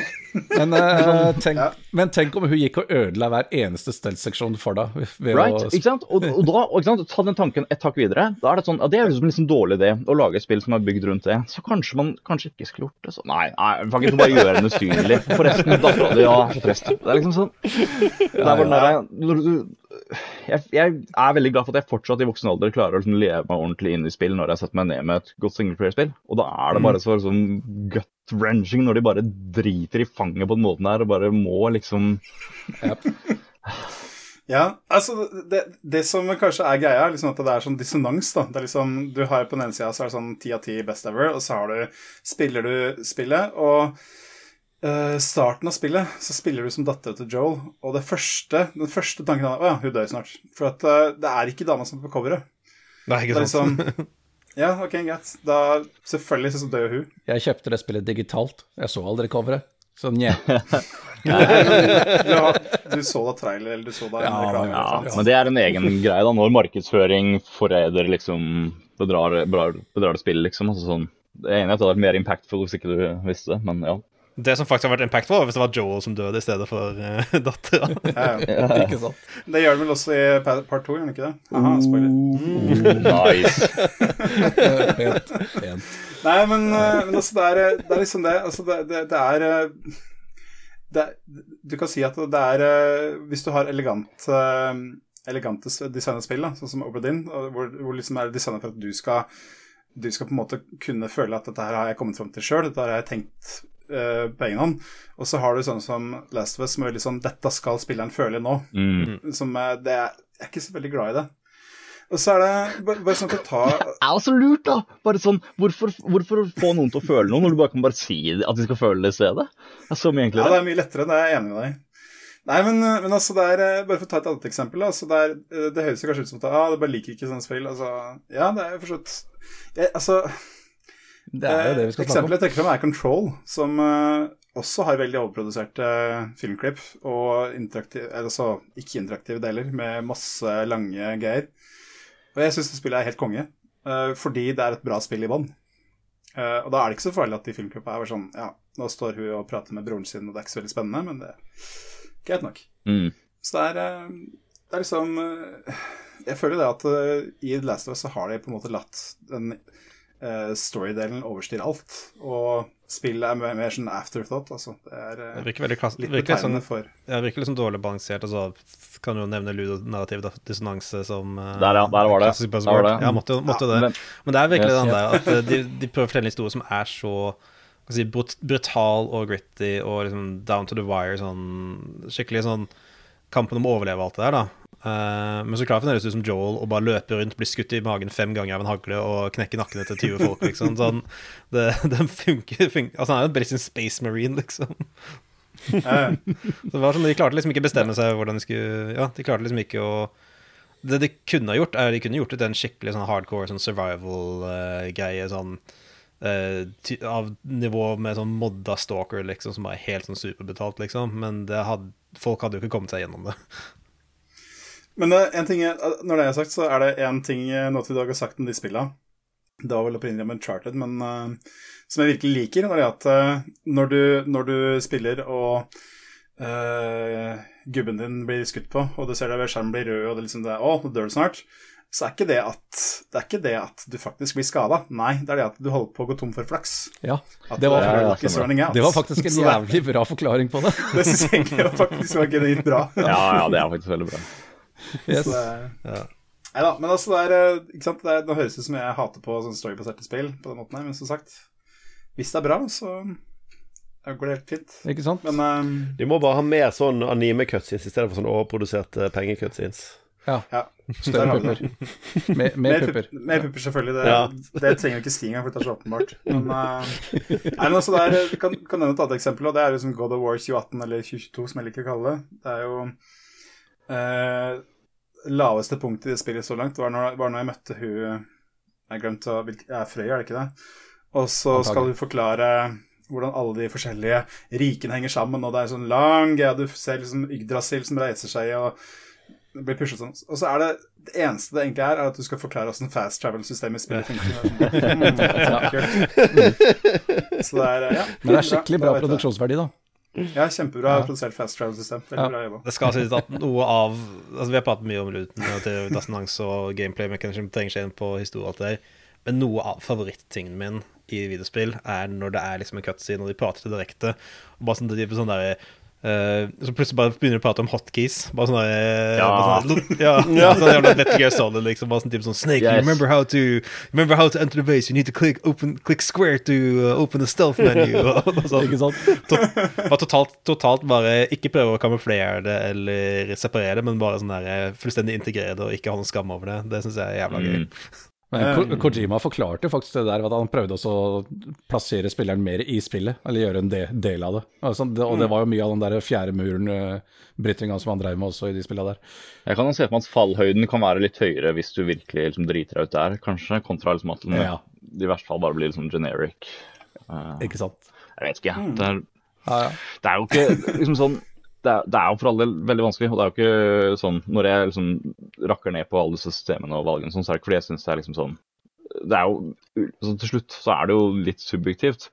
Uh, men ja, det er sånn å tenke på hvordan, hva jeg ville, hvordan jeg ville gjort Last of Us annerledes, liksom. Så ville jo ikke jeg sånn, Jeg ville jo ikke hatt en historie. Sånn, jeg syns de mest spennende historiene i spill generelt sett er de som oppstår bare organisk av ting som skjer i verdenen, liksom. Sånn historier du selv, liksom sånn Ting som faktisk skjer som resultat av dynamiske greier med deg, liksom. Sånne unike opplevelser.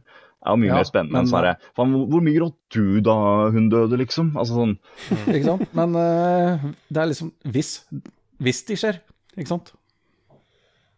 Det Det må jo ha noe direct direction her. Men ja, ja. Men eh, jeg, tenkte på at det er jo Bare sånn for å ta hvor subjektivt det er, da. Altså, det er jo, nå er jo i, På Accorden så blir jo God of War Ragnarok diskutert, og en av våre medcordere, hvis navn ikke skal bli nevnt, eh, nevnte den at eh, ja, Ragnarok var liksom Det var bra, det var liksom Det var ikke sånn som det første God of War-spillet, som var så originalt. Jeg bare Ok, du syns det var originalt når du kommer ut på kartet, og det er sånn Open World Light, og det er med item-ikoner, og det er eh, Ja. Og det er random loot, for faen. Det er liksom greit. Nei, men altså, det er bare Altså, det er eh, Ja. Apples and the Lost Raptors, som heter. Noen liker det ene, noen liker det andre. Jeg merker meg, så er det som jeg har en sånn Jeg har en, øh, en sånn Jeg har en supply, jeg har en bar med liksom hvor mye jeg tolererer liksom open world-ikoner, og så draines den liksom av å spille det, og så tar det ganske lang tid å fylles på igjen. Ja, det skjønner jeg. Det er som toxic meter i Dark Souls. Ja, det er akkurat sånn det er akkurat sånn det er. Og det kjennes helt likt. Jeg kjenner en sånn helt spesifikk type hodepine når jeg åpner kartet og ser sånn ti forskjellige typer ikoner over hele. Det er sånn, å sånn tekst med to utropstegn og to utropstegn på hver side, og Mhm. open world. Yes. Ja, men ok, da har jeg fått uh, spydd ut litt Ja, bra lufta, eh, bra lufta. Ja. Apropos store, åpne verden, Nicolas. Er det, Da er det, tenker jeg vi sender ordet over til Sindre, som skal finne på et spill jeg er veldig glad i. Nei, uh, nei, jeg mente med at vi kunne ta og styre over til å prate om eh, Warzone. Ja, ja. ja, vi kan jo gjøre det kjapt. Altså sånn Kan gjøre Ja. Jeg har ikke Apropos, jeg apropos jeg har- på kart og sånt. Ja, ja, ja. Er det uh, Jeg har ikke hørt forrige episode, men dere snakket litt om det da? Ja, jeg, Bare nevnte at du hadde spilt at det var Ja, det var greit nok, det. Tror jeg var konsensusen der. Ja.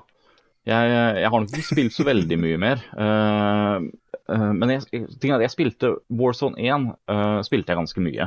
Det var jeg ganske Samme eh, Ja, ikke sant. Vi Samme hadde skikkelig gøy med det sånn et år, halvannet år. Jeg Mm. tror Sist jeg sjekka, så tror jeg jeg var sånn like over 800 timer. Så det var liksom putta en del i det, altså. Det var helt Eh, magisk en periode, altså. Ja. Det var det. Og det er liksom sånn Når jeg ser på Warzone 2 nå, så ser jeg jo at liksom sånn Det er Det som slår meg mest, er vel liksom sånn Det føles som de har gjort en del sånne endringer ikke fordi det er en god idé eller en løsning på et eksisterende problem, til og med, men bare mest for å bare gjøre det annerledes, sånn at du kan si litt mer sånn selvsikkert at dette er et helt nytt produkt, liksom. Mm -hmm. Warzone 1 hadde jo nye kart og sånn også, så, så, du, så du må på en måte ha noe mer. Eh, Og det er liksom sånn Hva skal man si det er weird. Du, du er, du er duo Sigulog nå, da. Det er jo ikke veldig nytt. Ja, ikke sant? Og, sånn, og det er jo ikke, jeg syns ikke det er liksom sånn uinteressant eller dårlig, men jeg syns ikke det nødvendigvis bidrar, liksom, legger til så veldig mye mer heller. Det er bare annerledes. Og sånn, Det føler jeg er en sånn gjennomgående greie gjennom spillet. Uh, og så ser man på ting som noe av det jeg syns var veldig frist med Warzone, var uh, For den vanlige Battle Royale-loopen ikke sant, er at du hopper ut av flyet eller skolebussen, og så finner du lut, og så krymper sirkelen, så slåss man. Og så er det ofte uh, kommer det ofte ned til liksom sånn Har du hatt flaks med hva du har funnet, så, så, vinner du. Og hvis ikke, så taper du sannsynligvis, liksom. Og det er jo noe av det som er liksom befriende med det også. At du kan ha den Du kan bli, du kan bli eid tidlig, og så kan du liksom rettferdiggjøre det for deg selv med at liksom sånn de hadde bedre utgangspunkt. De hadde mer flaks med våpnene de fant, og det var ikke så veldig mye de kunne gjøre. Og I mange tilfeller så stemmer jo det nok, og det er jo noe som gjør det så liksom, lettbeint å hoppe inn i.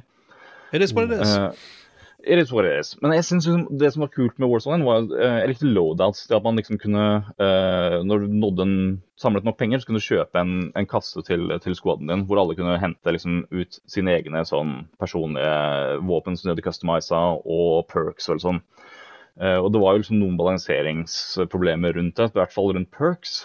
Mm -hmm. Men sånn helhetlig så var det sånn ganske sånn De kastene kasta ganske lite. Så hvis du liksom sånn uh, Så lenge du ikke døde med en gang, så fikk du sannsynligvis tak i loadouten. Og det var jo på en måte med på å demokratisere det litt. At alle var litt med på sånn samme grunn. At det var liksom sånn Det var ikke så liksom sånn Å, han fant den kjempesjeldne sniperen og tok meg, liksom. For du kunne bare hatt med din egen sniper, på en måte.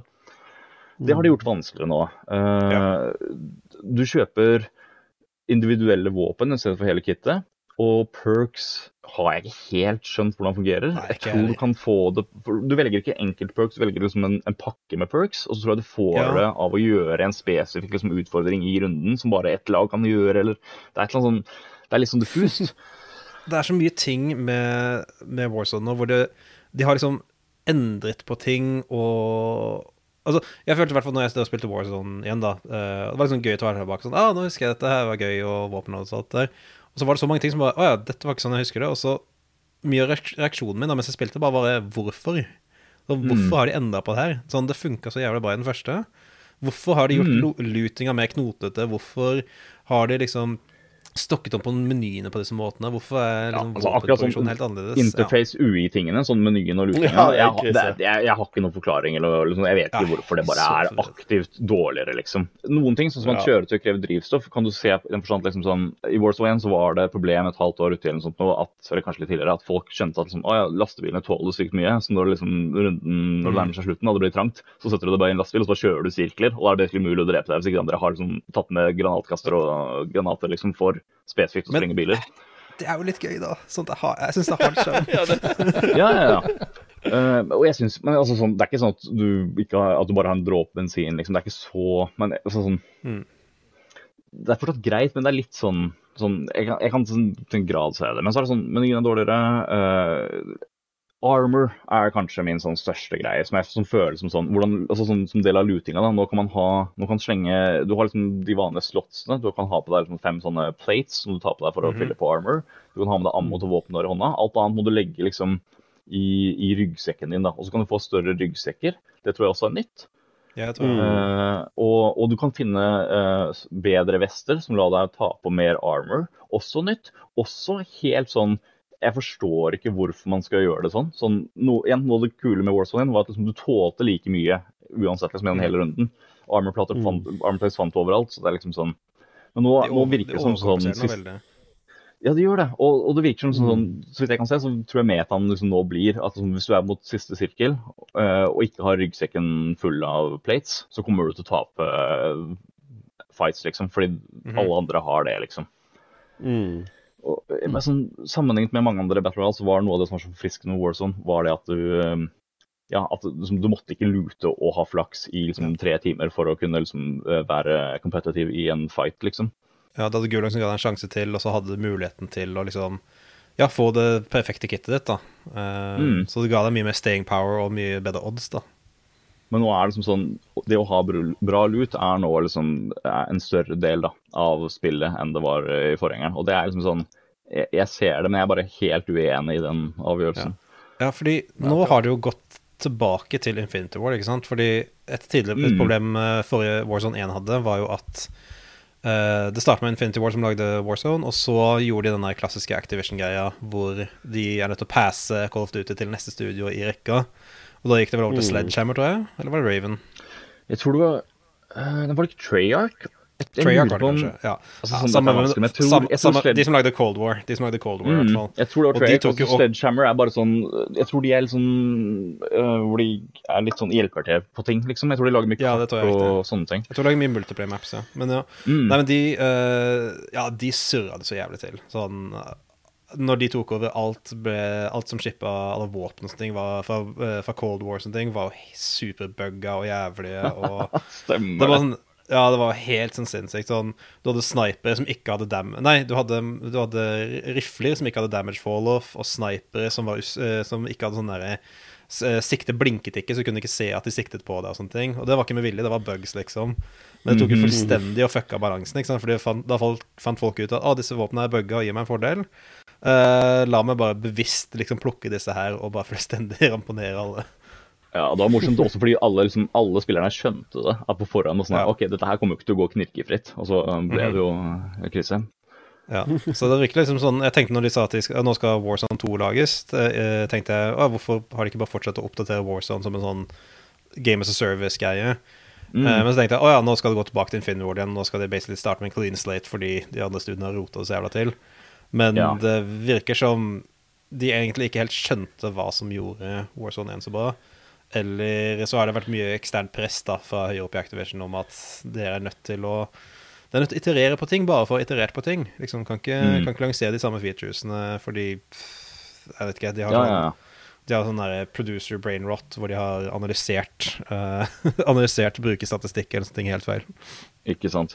Uh, ja, for det var det inntrykket altså. De, ingenting av det du har med deg fra av sånn eh, cosmetics eller sånne ting fra uh, Warzone 1 er med her. Det er et helt nytt standalone-spill. Eh, og med det så liksom, trodde jeg det var litt, litt implisert at man kanskje prøvde seg liksom Altså, Mm. Call of Duty har jo vel siden uh, de forrige eller forrige Call of Duty Modern Warfare vært relativt useriøs i den forstand at liksom, jeg tror, husker Modern Warfare 2 shippa jo med masse sånne weed-thema emblems. og sånn, de, de kjenner til publikum, da. Vi hadde jo, vi hadde jo The Weed Truck i, i Warzone. Så. Ja, ja, ja. Mange gode timer i The Weed Truck. Men sånn, Mhm. jeg tenkte kanskje at sånn her, ok, nullstilte alt dette fordi de vil prøve seg på å legge seg kanskje på en litt mer seriøs linje eller noe litt annet. Men jeg så jo bare tittet innom shoppen og se at du kan jo bare kjøpe Du kan spille som liksom ekte fotballspillere, liksom. Og det er bare så Vi er bare i gang med en gang. Jeg, trodde, jeg har sett de screenshotsene. Jeg trodde de var photoshoppa. Sånn, kan du ikke spille på Ronaldinho eller et eller annet? Jo, det er, jeg er ikke nok eh, til å kunne navnet, men det er ja, ja, Ja, ja, og Mm. Ja. Du kan, du kan jo velge mellom ca. 40 forskjellige sånn trans- og pride-flagg, da. Så det er Ja, Det er mulig å vite om det er dårlig prøver å skåre poeng der. Ja, og- men ingen, ingen weed-flagg. Hvor er liksom den representasjonen som teller, og stonere? ja, Ah, jeg vil ha weed-flagg i transfargene. Det, det er estetikk. Og så må jeg si, altså Sindre, du kan sikkert snakke liksom, litt mer eh, kompetanse om dette, men sånn, jeg syns det er veldig eh, overraskende hvor mye sånne slurvefeil det er i designet. Typ, Mm. uh, som Det mest sånn fremtredende og det legger merke til mest, er menyene. Jeg har funnet sånn, Sist gang jeg spilte, så opplevde jeg Jeg har spilt kanskje i 10-12 timer. Siste session så fant jeg tre nye bugs på den ene timen jeg spilte, liksom. Og sånn Menyene er designa sånn det, du får mye sånn når, Hvis du spiller bare Warzone og ikke eier fullversjonen av Modern Warfare 2, så får du av og til prompts om at du har gjort fremgang på en sånn egen pakke med challenges. Så når du fullfører en runde, så er det sånn ah, ny level på den, eller også, Men du har ikke noen måte å få tilgang på det på, fordi den menyen finnes bare i det spillet. Så du gjør Ja, fremgang som du bare ikke kan se. Og Jeg sånn prøvde bugs jo- du jeg opplevde det veldig morsomme med at uh, når jeg skulle spille med dere, uh, så eh, prøvde å åpne vennelista mi, så jeg kunne liksom joine spillet deres. Og da poppa det opp uh, denne, denne featuren her er ikke tilgjengelig i basespillet. Kjøp Call of Duty Modern Warfare 2 for å få tilgang Ah, til vennelista. det var tydeligvis en bug, da, fordi et par, litt, uh, kort tid etterpå så ble det, uh, ble det fiksa, da. Men allikevel. Mm. Okay. Det var på launch day. Ja, ja altså, sånn, det er bare sånn, sånne ting. Da, sånn, det er et selskap med Mhm. mer penger enn Gud, liksom. Og så er det bare så, sånn, det er sånn straight up slurvefeil. Så det, har ingen på QA prøvd å bare sjekke statsa sine, eller liksom sånn ikke sånn kan garantere deg at uh, Kan garantere at. QA har snappa det opp, men det bare er så mye friksjon, fordi det er jo faen meg 8000 mennesker i det selskapet, liksom, og det må gå igjen så mange jævla lag med kommunikasjon og avgjørelser og, og sånne ting. Og så er det bare sånn Ja, men hvis vi fikser det nå, så er vi nødt til å sende en helt ny greie til eh, certification eh, på kontrollene og alt det der. Vi kan ikke fikse det nå. Og, ja. Ja. sånn.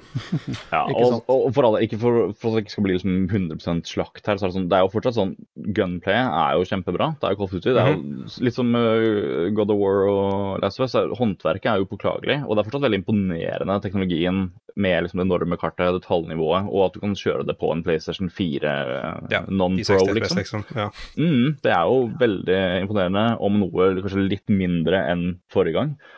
Ja. Liksom sånn, Og nå er det ikke 200 gigabyte lenger. Nei, det også.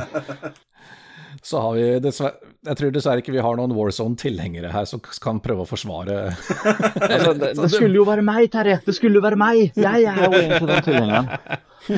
Eh, men jeg, altså sånn altså En stor del av det, eller en ikke ubetydelig del av det, er jo at jeg naturligvis er litt utbrent på liksom, konseptet Battle Royale, så jeg har nok litt mindre toleranse for alle disse småtingene. Men det er bare fortsatt litt sånn så et litt sånn støkk når du ser liksom sånn Her har du oppfølgeren til liksom en av de mest vellykkede Warzonene, og så er det så mye ting som bare ja, så er det Battle Royale-ene, og så er det bare så mye ting som bare skurrer, og som jeg syns er liksom sånn skikkelig bare feil valg å gjøre, liksom, fra designperspektiv. Men så selger du mer enn noensinne, whatever, da, sånn at jeg fuck me. Mm. Ikke sant? Yes, skal vi eh, si at nå har Warzone fått sin, eh, sitt pass ettertraktelig påskrevet. Så da vil jeg over på Apropos ikoner i den åpne verden. Uh, Sindre, du har uh, en hot take Ja. på et spill jeg er glad i. Jo, uh, jo Trygve, fordi uh, et spill som eh, For å gå litt tilbake da til et spill som ble solgt som ti ut av ti, perfekt videospill, alle elsket det, gikk inn i det med veldig mye hype. Jeg var ikke særlig glad i The Witcher 3. Eh, og eh, i motsetning til deg og, og Last of Us og God of War, så tok jeg faktisk og spilte gjennom hele skiten. Fordi oh. jeg la faen meg sånn 200 timer i det jævla spillet. Uh, fordi jeg hadde liksom hørt Jeg hadde hørt så mye post, sånn overveldende positivt om det spillet. Og det virket også jævlig opp min gate. Sånn Sånn gritty fantasy, du er en monsterjeger-type dude. eh, laget av et sært uh, polsk studio uh, som startet som en jævla cracker-gruppe eller et eller annet. Og uh, sånn voldsomt imponerende grafikk og, og så videre og så videre. Da. Det virket veldig sånn opp min gate. Og da tenkte jeg bare sånn Ok, da må jeg gi det forsøk, siden så mange folk jeg kjenner og respekterer, anbefaler det så varmt.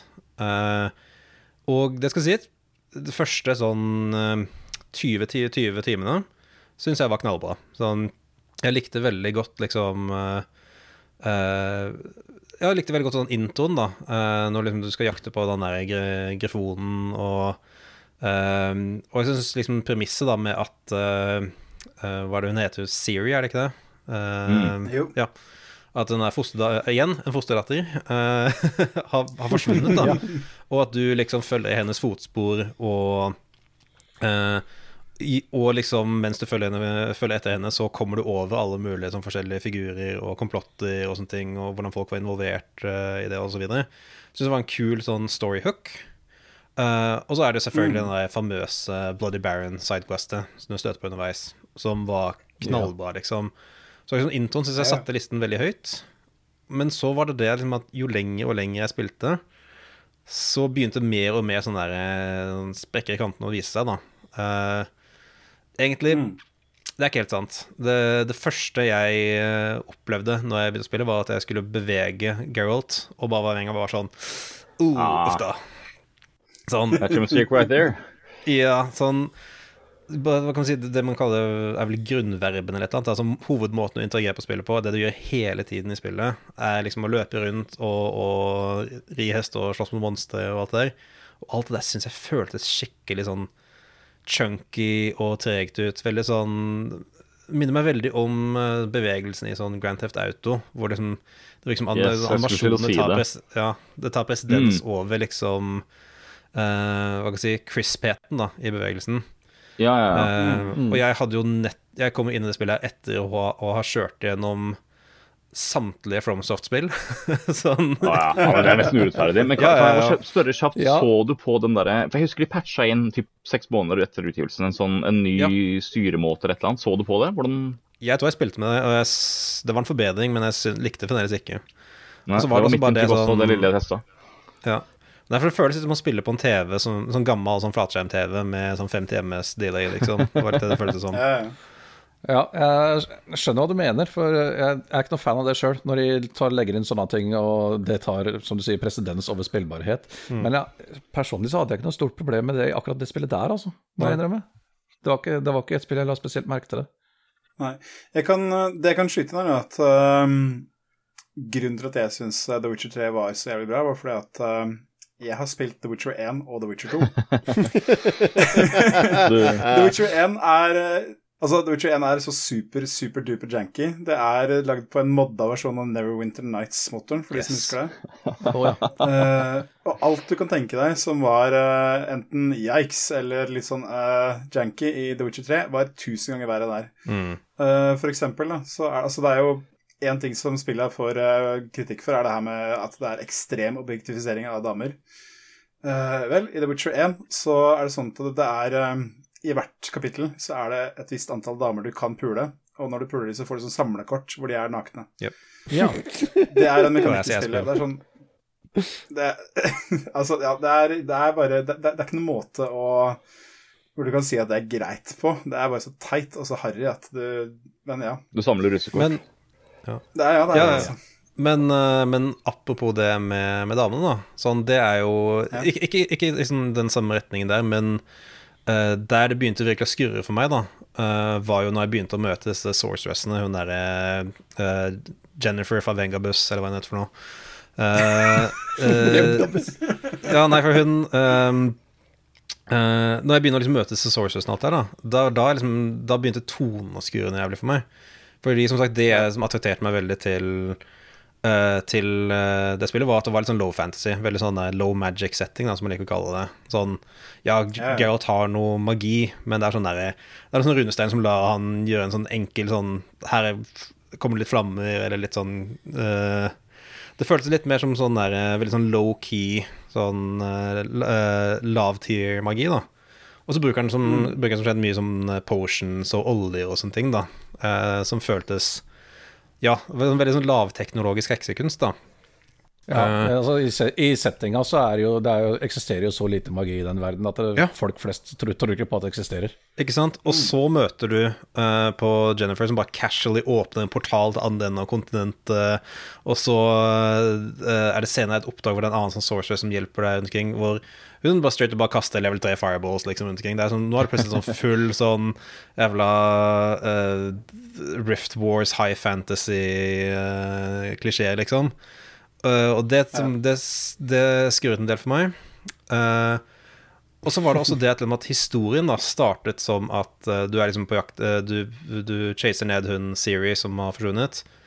Og så etter hvert så blir det liksom avslørt at hun er en sånn herre special chosen one, sånn profetisk barn som ble født, og nå er det plutselig verdens ende som liksom er eh, på spill. Hun var og oddsen, da. Ja, ikke sant. Ja.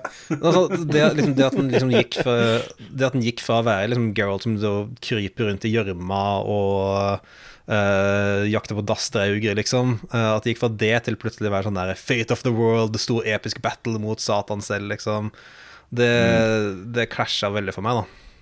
Ja, men, men altså, men det var, var jo allerede i undertittelen, hvis du tolka den undertittelen din til spillet riktig, da. Hva faen, hva faen The var Wild det Hunt.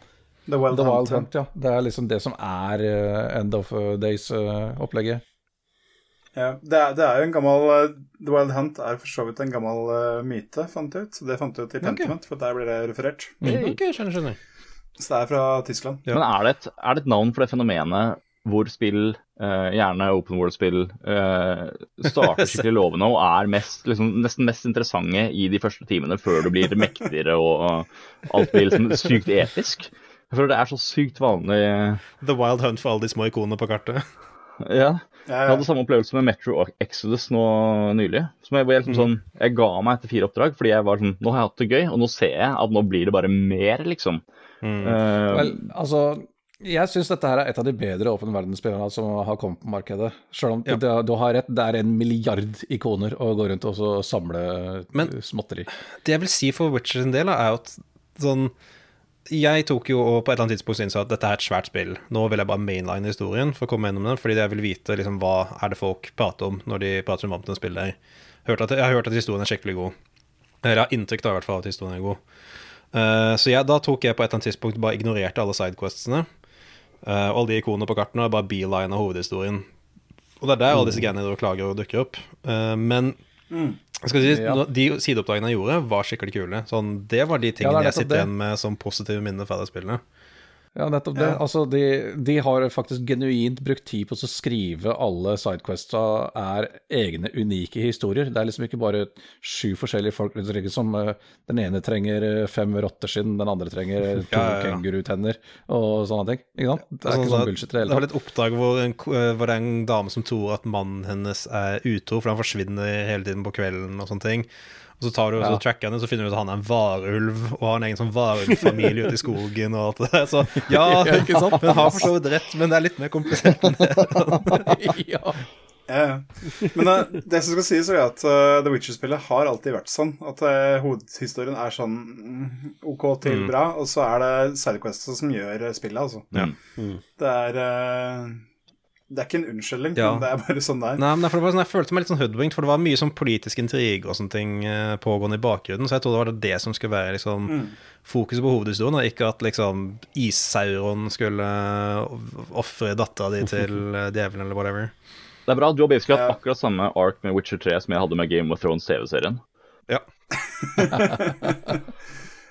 jeg, jeg tror de kan sammenlignes veldig, egentlig. Jeg føler det gikk akkurat samme, samme retning, egentlig.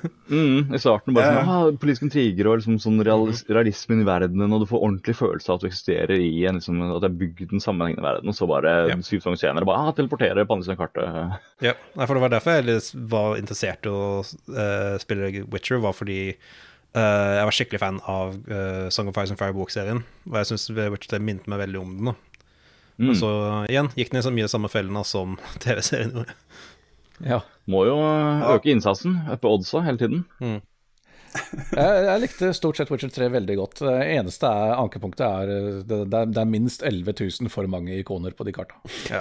Det, Som alle open world-spill. Ja, men Det er spesielt ille i Witcher 3, egentlig. Det er helt jævlig mange i det spillet. Ja. For det er, det, er, det er flere store kart, og de er metta med ikoner. Ja, så syns jeg jo egentlig også at verden ikke var så veldig interessant. Jeg syns det var mye sånn der eh, åpen Har du vært i Polen, eller? og For så vidt sant. Dette, dette er sånn eh, den der memen med han som står og sier Wow, eh, what a, what a nuanced take on uh, medieval politics. Og så er det en sånn bue som går over, bare Living in Poland fucking sucks. Eh, Ja. Nei, så nei, altså, det er selvfølgelig det er, eh, The Witcher 3 er liksom eh, Hva skal jeg si? Altså, noe av det må vi legge skylda hos den godeste Andrzej Sapkowski også, for at eh, den bokserien er veldig både òg. Mm. Det er Altså, du har masse sånne gode allegorier med liksom rasisme og fremmedfrykt og Uh, det her med minoriteter og litt sånn veldig sånn uh, ganske nyanserte diskusjoner på liksom hva velge det minste onde og sånne ting, som er veldig kult. Og så har du også det at i uh, law-beskrivelsen så er det sånn at uh, sorceresses de ser smellvakre ut fordi at de er forferdelig deformert pga. at de er magiske, og da bare, ma da bare tryller de seg smellvakre for uh, for at de kan. Det er Ja, ja. det som er hele greia. One way trick. Ja, er life hack. Ja. vidt en ting de også gjør i Game of Thrones. Ja, ikke sant. Stemmer det. Ja, godt poeng. Ja. Altså, det er det bare altså, det var, sånn, det, I The Witcher TV-serien, så er første, en av de første episodene, så er det møter eh, Møter uh, Geralt, han ene trollmannen, som er han uh, Ikke Mats Mikkelsen, men bros, brorsan, som jeg ikke glemte hva heter. Mitt Markussen. Um, Mikkel Madsen. ja, Mitt Mikkelsen. ja. Det. Nei, men uh, Nå har vi et høyt nivå her. Eh, Poenget er at uh, i, i TV-serien så har han et digert magisk tårn, og inni der så er det bare smekka fullt av nakne damer, bare for at han kan. Mm. Det er liksom Det er det nivået der det er på. Altså, det, er- det er ikke out of character for den bokserien. Ah, i respect the grind, hustle, hustle culture. uh, ja. Ja. Sigmund Grindset. Yes. Ja. Ja, fungerer kanskje, fungerer kanskje uh, Witcher-universet på den der um, den der 4chan-logikken med at hvis du fyller 40 og fremdeles er jomfru, så får du magiske evner. Ja. Nei, men eh, jeg har altså På grunn av Her jeg bosatt meg, altså flatbygdene i Hedmark, så her har det vært mange polske jordbærplukkere opp gjennom tidene. Så jeg vet at The Witcher var jævlig stort i Polen på, for 20 år siden. Nice. Så det er noe der, altså. Ja, det, Ja. det traff en nerve, for å si det sånn. Men eh, nei, altså sånn det jeg vil konkludere med med Witcher, var at eh, det var veldig mye ting jeg likte med det. Men det er liksom så mange andre elementer da, som trekker det ned, at liksom det jeg satt med igjen på slutten, da, etter når jeg så rulleteksten, var ikke en sånn tilfreds bare sånn Å, dette var Nå har jeg runda dette var et tilfredsstillende spill. Mer sånn Ja, nå var det over. Uh, og jeg følte egentlig ikke helt det var verdt det. Og det er en litt sånn sur følelse å sitte igjen med etter å ha brukt 200 timer på noe. Ja, det er det. Ikke sant? Ja da. Altså, det er, det er den samme følelsen du har når du runder The Witcher 1 og The Witcher 2. Men eh, så tenker du også at ja, men det var mange kule side-historier. og Det er veldig kult. Det Så, innser jeg helst burde gjort. Jeg burde bare spilt alt side-contentet, og så bare sluttet å spille det på et eller annet tidspunkt. Så det virker som Kanskje, Ja, bare- kanskje de fleste som anbefalte spillet til meg, gjorde det. At de kom seg ikke særlig langt tror hovedhistorien, de bare surrer rundt ute i skauen. Det er sånn, det, det. motsatte av alle andre sånne open world-spill, der du egentlig bare driter i alt sidekanten til å bare Ja, ja. fokusere på hovedstoryen, liksom. Jeg, jeg er jo han som gjorde alt sammen. Og var, jeg støvsugde opp alle disse jævla ikonene fra de kartene. Og det er derfor jeg syns det var altfor mange av de. Ja, yes. skjønner. Ja da. Men, men som helhet så var, satt jeg igjen med en syns det var en veldig god opplevelse. uh, helhetlig. Ja. Så Men det er, lov å ikke, det er dessverre lov å ikke like det. Ja, selvfølgelig. Det er, men altså, det er, det er jo altså, The Witcher 3 altså, det Jeg heller sier jo ikke at det er et perfekt spill, for det er det absolutt ikke. Men Det fins ikke et eh, perfekt spill hvis det skal være Nei, men da- Jo da, det er Outer Wilds. Det har vi konstatert allerede. ja. Nei da, men altså, det er eh, Det, det var veldig akseptabelt for min, min, min smak, da. Mm. jeg bare si. Yes. Skal vi peise videre til uh, Terje? Ja, eh, vi har snakka litt om det tidligere i den horrortema-episoden vår. At eh, Resident Evil-serien har aldri truffet meg noe særlig. Ja, Og- ja, for du er så innmari tøff, så du blir ikke redd i det hele tatt. Yes, det, det, som, det som særlig skurrer for folk, at jeg likte ikke fireren, og spilte, ikke- spilte ikke ferdig engang. Gjennomførte ikke engang. Jeg bare gikk lei, slo det av. Nei, neste episode blir at vi skal lynsje Terje på torget i Ja, Ja, eh, Porsgrunn, så det blir bra. Ja, nå, ja. men nå, okay, nå, har vi faktisk en skikkelig fight her, fordi Resident Evil 4 etter spillene jeg tror jeg har spilt eh, Jeg har runda det tre ganger eller noe annet. Det, Ja. det gjorde stort inntrykk på meg da Men- jeg først spilte det, og jeg spilte igjen i senere- tid.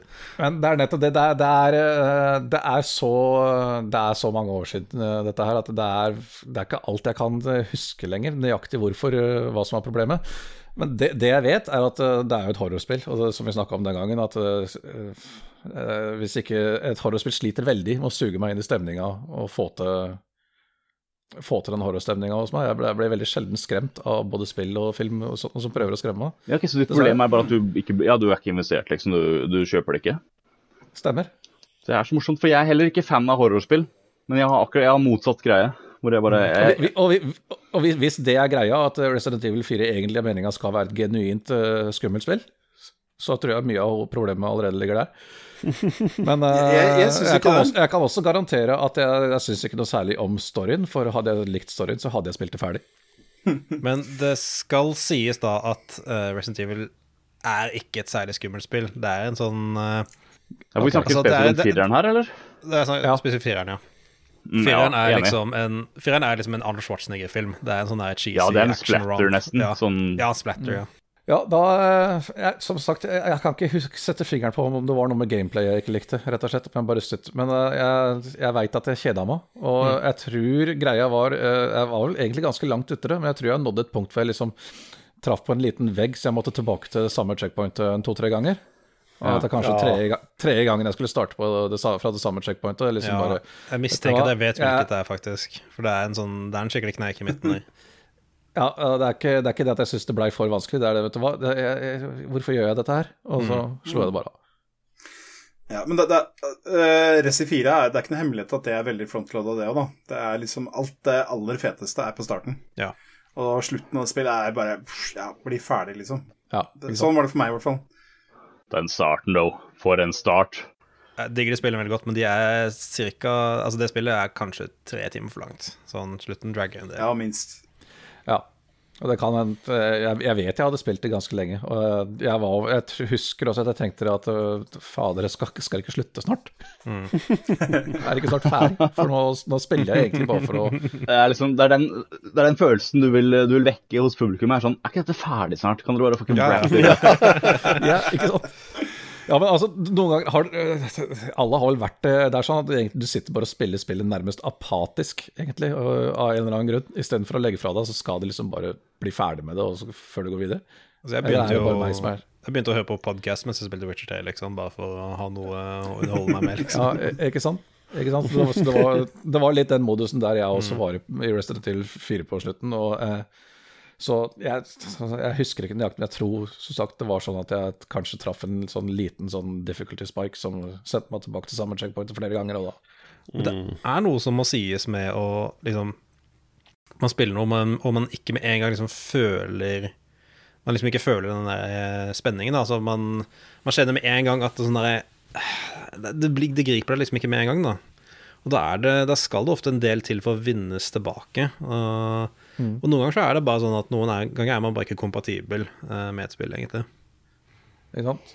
Ja, for det, det er ikke det er, Generelt sett så funker ikke horrorsjangeren for meg, som sagt, men altså, det er ikke sånn 100 sant, det. For jeg er veldig glad i Silent Hill og Dead Space. Ja, men jeg føler det er verdt å gjøre en distinksjon her mellom liksom, tradisjonell horrorspill, sånn som du nevnte, og liksom Resident Evil 4. Jeg føler Resident Evil 4 er jo liksom sånn Det var jo det første hvor de liksom endret kontrolloppsettet fullstendig, hvor det skulle være mer sånn actionspill.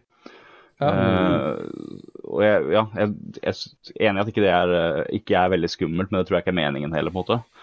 Ja, ok. Ja, for det eneste andre Resident Evil-spillet jeg har spilt, er det aller første. Og jeg spilte, ikke det veldig, jeg spilte ikke det veldig mange timene før jeg ikke gadd mer heller. Nei, Men så jeg er ikke ferdig, er med demodisken engang.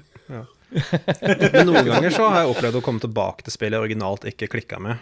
Uh, Metal Gear Solid er et godt eksempel på det. Det spilte jeg sånn omtrent når det kom ut, tror jeg. Nei, det må ha vært senere. Jeg tror det var PC-versjonen jeg først spilte. Og jeg syns det bare var forvirrende og frustrerende. Og det, jeg, jeg liksom plukket ikke opp på noe av skjermen. alt der da Så spilte jeg det igjen i ettertid, og jeg tror Metal Gear Solid er liksom en av favorittspillseriene mine ever, liksom. Så det tok bare noen år, liksom, og ja, litt sånn, eh, litt sånn avstand. Så Det høres ut som du har litt growing up to do her, Terje. Der er vi tilbake til de demoene vi snakka om, vet du, egentlig. Med, med, med, med Metal Gear Solid, mener jeg. At det, det husker jeg at jeg leste om i bladene, og artiklene solgte meg ikke på det. Det var først da jeg spilte demoen at eh, jeg ble solgt på Metal Gear Solid. Altså, sånn, jeg, jeg var åtte år. Jeg tror aldri jeg har vært så gira over et spill som jeg var rundt Metal Gear Solid igjen. Sånn, det var eh, favorittspillet mitt, eh, liksom. Så sykt kult. Det gleder meg kjempemye, og elska det da det kom. Ja. Det, Metal Gear Solid var jo genialt. Det Ja, det var jo det. Det var jo det. Fantastisk. Men Yes. Okay. Ja, men eh, greit nok. Uh, er det noe mer du vil legge til, Terje? Vi har eh, Jeg har mer å ta av, men jeg tror tida går litt her. og Hvis det er andre har lyst til å snakke om noe også, så skal de få lov til det. Ja. Skal vi rushe videre til eh, Eirik, som ikke har fått sagt et kløyva Ja, men- på en halvtime? Jeg har ikke så mye å legge til, egentlig. Altså. Det, det er bare sånn eh, For jeg, jeg har ikke når jeg, når jeg så det temaet, så var det litt sånn Det var liksom ikke noe sånn ett stort spill som stakk seg ut da for meg. Fordi jeg tror jeg eh, Jeg tror jeg har en tendens til liksom bare um, skrive unna spill som jeg tror jeg ikke liker på forhånd, da. Så jeg har jo en del store hull av populære Ja. spill som jeg aldri har fått spilt. Eh, Ja, men jeg er litt spent på å få høre. For det, jeg kan jo bare for å lese litt fra det sendeskjemaet, så Eirik skriver opp at han har ikke spilt Elder Scrolls, nyere Fallout. Han har ikke spilt Mass Effect, og han har ikke spilt Soulsborne-spillet. Og jeg tenker liksom eh, Du har ikke spilt Mass Effect, liksom? Er det, Nei, jeg har ikke det. Og den, den, eh, den eh, har jeg vurdert å gjøre noe med, faktisk. Et, Ja. nå, siden jeg, de har kommet til ny versjon. Men det er sånne, sånne gigaspill. eh, jeg, det er litt den der open world-fatiguen. Uh, liksom sånne ting som jeg bare ser for meg dette blir et jævla prosjekt, på en måte. Mm. Det det, det, det, det liksom stopper meg før jeg begynner, på en måte, da. Ikke for å selge det, liksom, pushe det veldig, eh, for jeg kan relatere ekstremt til den følelsen. Men akkurat Mass Effect er vel sånn Jeg tok meg god tid. Jeg tror jeg brukte maks 30 timer per spill, kanskje. Så hvis du skal spille Ja, ja. alle, De, så er det jo de, er ikke, de er ikke veldig lange. Nei. Nei, og Mass Effect-serien er kjempetight regissert. Det vil jeg bare si. At Ja. Der er det Du har litt rann sidequesting eh, å gjøre, men det er lite, altså. Og så Ja. er det dure rett på med det du skal gjøre. Det er eh, Og så alle disse spillene er spill jeg er veldig nysgjerrig på, da. Som jeg liksom Mm. Jeg ser at OK, her er det mye jeg hadde digget. Så det er liksom Det er derfor jeg er litt sånn uh, uh, Jeg har ikke lyst til å trekke de fram for mye, da. For det, det er ikke sånn at jeg tror jeg hater de. Det er bare åh, jeg blir litt sånn matt av tanken på bare, å, er dette noe jeg må holde på i et par uker. Eller Det tar for mye tid, rett og slett. Eh, altså det, det, Det, det er jo de, har jo litt utforsking. Ja, at de må fly litt, litt rundt i de forskjellige solsystemene og skanne planeter og, og Ja. sånn, litt sånn bullshit som det. Og hvis- jeg vil sterkt, Hvis du spiller såpass langt at du spiller Mass Effect 2, så vil jeg sterkt anbefale å modde vekk den der skanninga, rett og slett. Ja. Det, ja, det, er, det er sånn at du må skanne en planetoverflate, og så må du skyte sånne probes ned, og da, scan, da samler du opp ressurser fra et lite område på planetoverflata. Det er en mod der ute som gjør at hvis du skyter én probe på en planet, så bare støvsuger den opp alle ressursene på hele planeten med den ene proben, og så er det ferdig. Altså For å understreke litt sånn, Jeg mistenker at den setningen Terje sa nå, var akkurat liksom den mengden tid han brukte på den setningen, er ca. den mengden tid de brukte på å liksom, designe det. Og det, det tar liksom prosentmessig sjokkerende mye tid å bare sitte og loke og snakke matt. Yes, Mass Effect 2 er et fantastisk spill, men akkurat den der skanne planeter-biten kan dra til helvete. Så Nei, men jeg, jeg har heller ikke spilt ja. Mass Effect av litt samme grunn eh, som Erik. Og det er rett og slett fordi jeg har hatt inntrykk av at alle spillene er sånn 100 pluss timer lange, og at det er tre av de. Ikke Og det har bare virket som en Mm, ja. sånn Mount Everest. Uh, Nei, det er uh, Hvis du kjøper trilogien som den er nå, da, og skal spille alle tre på rad vet, vet du hva, jeg tror du går på en litt fatigue, egentlig, hvis du gjør Da, det. mye bedre. Bare begynn med det der Andromeda. Bare spill det i stedet. Ja, det gjør. Kos deg med Andromeda. Bare for, plottet oppsummert Altså, det er jo det, det, er jo det nyeste. og Jeg regner med at det er det beste. Jeg har ikke spilt det selv, men eh, det må jo være det. Jeg Ja, har, jeg har spilt Andromeda, og det er det er på fjerdeplass av de Mass Effect-spillene som har kommet ut, for å si det sånn. Men det er ikke, men det er ikke forferdelig dårlig. Ikke sant? Det er ikke det. Det, mm, det fortjente ikke all den kritik, all kritikken Eller det de gjorde, det gjorde vel egentlig det når det kom, for det var Ja. De forferdelig har buggy og. Men, men det er ganske hardt patch- patcha nå, ja. Ja, altså En annen måte å si det på er at eh, på mange måter så har Andromeda gitt meg timevis med glede, og jeg har ikke spilt det engang. ja. Så sånn sett er det lett det beste i serien. Ikke sant. Men uh, det, er, det, er sant, det er en mye svakere historie, det er mye svakere karakterer i det, og det, det, er, eh, det, er, det er en nedtur fra originaltriologien. Det er Helt lett. Mm. Det er det. Men eh, jeg kan jo si det at eh, Mass Effect for meg, det er liksom Det er jo veldig samme leia som uh, Naughty Dog sine spill, men eh, forskjellen der er da at eh, spillet henger veldig godt sammen med historien, og du føler liksom at når det er et filmklipp, så er det en hensikt med det. Da er, liksom, det, er det noe viktig som skal skje. Du kan ta en beslutning, eller du kan jo prate deg gjennom mange av dialogene og velge hva du skal si og sånne ting. Så der syns jeg de har lyktes mye bedre med å få det til å henge sammen. Ja. Til forskjell fra Jeg tror kanskje vi må være litt forsiktige hvor vi ikke går, eh, havner ned i den der diskusjonen om den, den der moralgreia. For det føler jeg er en sånn Det kunne nesten vært en egen episode. Ja, det er riktig, da, Det- det, det kan det, langt inn på det. For jeg, jeg, eh, jeg, jeg føler denne også er litt eh, vel utskjelt. For eh, folk forenkler den veldig til å være sånn veldig 50-50. Du velger enten den positive eller den negative, ikke sant? Ja, og så er spillet Ja. balansert sånn hvor du har ikke noe å tjene på å velge det du faktisk vil si eller føler. Du burde velge Nei. 100 det ene eller 100 det andre. Og det resulterer jo i at du enten spiller liksom det mest liksom sånn fucking Jesus-aktige figuren, eller bare en fyr som er bare helt sånn psykopat dipshit. Altså sånn Jeg, jeg, spilte ofte- Mass Effect, eh, jeg, jeg spilte Mass Effect veldig mye da det bare var, eh, da det da det bare var to spill ute. Sånn at jeg, jeg starta faktisk på en tredje gjennomspilling. Så det vil si, første og andre gjennomspillinga så kjørte jeg bare positiv moral og bare negativ moral, ikke sant. Mm. På den tredje gjennomspillinga så valgte jeg å prøve, tenkte jeg skulle prøve å spille Hva om jeg prøver å spille gjennom og få til spillet uten å velge noen av de der uh, Bare time ut på alle, liksom. Nei, nei, nei, nei, men det er flere valg i dialogtreet.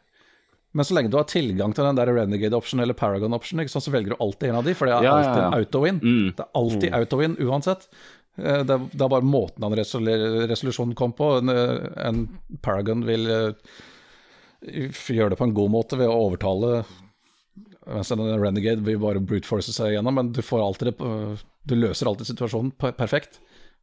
Men, det er, men, men det er flere valg i Dialog 3 som er mer sånn gråsonen, som gir deg mer sånn der bittersweet uh, resolusjoner på, på det, men det, du får fortsatt resolusjoner. Så det er mye mer gråsoner i systemet, altså, egentlig, men du må spesifikt lete, for du har aldri noen grunn til å velge dem. Mm. Det, ikke sant? Så er det ikke Ja. laga for det. Yes. Men ja, skal Erik få lov til å få siste ord på det han Ja. selv skulle snakke om? Nei, nei, det var bare en eh, digresjon her. Jeg kom, for det er faktisk relevant til det. Catherine de har jo det greiene. eh, at eh, Men der er det ikke merket da, hva som er det positive og negative. Og der er egentlig alle alternativer litt sånn grå. Så det syns jeg var litt kult. Jeg vet ikke hvilken som kom først av disse. Men, Har, du, har, du, har du fullført spillet ennå? Nei, jeg er halvveis. Nei, ok. Men eh, ja, jeg syns Ja. det er kult. Men jeg, jeg har ikke så mye mer å si altså, i forhold til temaet, faktisk. Ja. Det er bare Du bare ja, liker jeg, alle eh, du. Du syns alt er riktig Nei, men jeg, vurdert og jeg, jeg forhåndsdømmer en god del spill. Selv er det bra, jo- så er det bra. Ferdig snakka. Ja. og så har du jo en del sånne spill som er som veldig populære med mainstream, sånn eh, Fifa, Assassin's Creed og sånne ting. Men de Ja, jeg vet ikke om det er så interessant at vi prater så mye Call om of Duty som de. ikke er Warzone. Ja. Nei, det er liksom Det er verdens lette ting å dunke på, egentlig. Det er, sånn, det er som å si at jeg liker ikke McDonald's, liksom. Det er sånn wow. Ja. Ja, ja, veldig lavthengende frukt. Ja. Ja. Yes. Nei, men eh, skal vi begynne å runde av? Kan, Ja, eh, jeg kan vel for runde av med eh, an- et annet spill som jeg ikke er fan av, som jeg uh, tror kanskje er litt kontroversielt. Um, igjen, dette her er et spill som Trygve er eh, veldig glad i. Um, det er selvfølgelig gun, det, er, det er Gungrave Gore. Nei, sånn, dette her, dette her Nei, nei. Uh, Ja, faen. jeg, jeg trodde det et øyeblikk. da. Nei, min, min, min, min hotteste take er at jeg liker ikke Super Mario World. Ah! Det er ikke lov, Nei, det det er er ikke sånn. Det er, et det er liksom sånn Takk, takk for at dere kunne høre på Spillegass aller siste episoden noensinne. Dette, dette kommer vi aldri til å komme av Så eh, Nei, igjen, det er altså sånn Det er igjen et sånt spill som jeg har sånn, jeg, det, er, det er et ikonisk, det er et unektelig viktig spill, liksom, i spillhistorien. Um, det er drit Altså, det er dritsjarmerende grafikk og, og, og alt det der. Men, altså, Men ingen, jeg- jeg- ingen crafting snakkes. Jeg mener.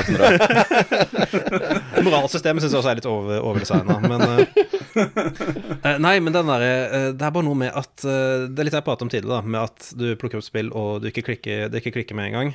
Eh, jeg har prøvd flere ganger å spille Super Mario World, eh, både på emulator og på en sånn SNES Mini som jeg har.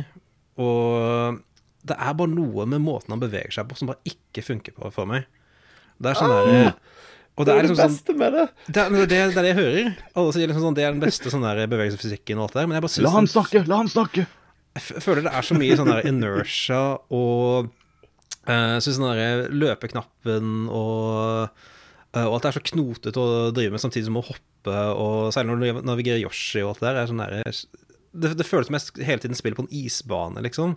Det er bare noe med den fysikken som bare er Yes. ukompatibel med hjernen min. Eh, men jeg vet det er et bra spill. Jeg, bare, det bare, jeg får det ikke til. Jeg liker det ikke. Nei, men altså, du har jo helt rett. Det er jo det. Er jo det. det er jo liksom en sånn, en sånn feel der. Jeg, jeg tror jeg har spilt liksom sånn, eller jeg vet jeg har spilt typ Super Meat Boy mye mer enn jeg har spilt Super Mario World. Og der er, jo, er det jo så liksom, ja, crisp, da. For der stopper du jo Ja. nesten på pikselen når du slipper stikka. Liksom. Det er veldig lite sånn Ja, den, jeg vet hva du akkurat mener, men den, den, uh, det føles som du står på is. Du sklir litt, og det er liksom litt sånn uh, upresist. Og og, du og når du hopper, så har du veldig lite horisontal bevegelse. Du hopper nesten bare rett opp og beveger deg kanskje sånn to-tre marer til høyre eller et eller annet uh, i forhold til hvor du starter. Med mindre du tar enda fart og alt det der, da. Altså, jeg skjønner det er en kompleksitet og dybde til det her, og at det er, anvendelig, men det er bare sånn know, det er bare, det, er bare det, det er som å tegne med, Det er som å skrive med venstrehånda for min del, liksom. Det bare føles unaturlig ut. Jeg har også hørt Ja. argumentet at liksom de tidligere spillene er bedre fordi de er renere, at det er mindre liksom sånn gimmicks og items og liksom, liksom flash, da. Ja, for jeg har spilt eh, masse andre Mario-spill. Jeg spilte jo de der eh, Super Mario eh, Land til Gameboy og Mario 64, så klart. eh, eh, Galaxy og Odyssey og alt det, og de har jeg digga. Men det er bare sånn spesifikt Mario World. Det er bare noe med det som bare, bare bremser. Ja.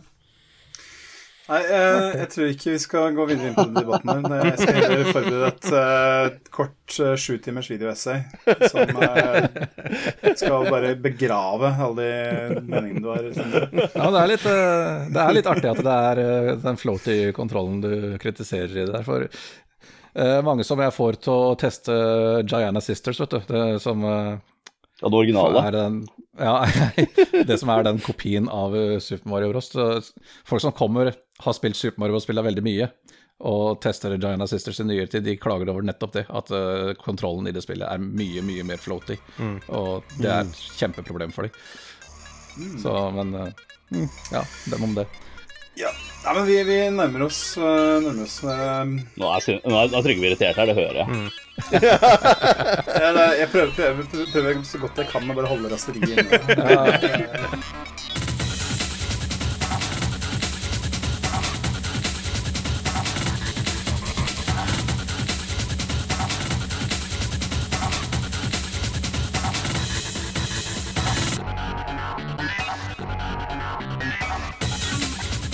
nei, men eh, jeg, jeg har tenkt å bare si at nå skipper vi til, eh, til, til, til, til anbefalinger. Ja. Jeg, jeg kom på en anbefaling som passer ganske bra til dagens eh, episode. Det er en serie på NRK. Det er, så langt så er det tre episoder, tror jeg. Den heter Ueinig.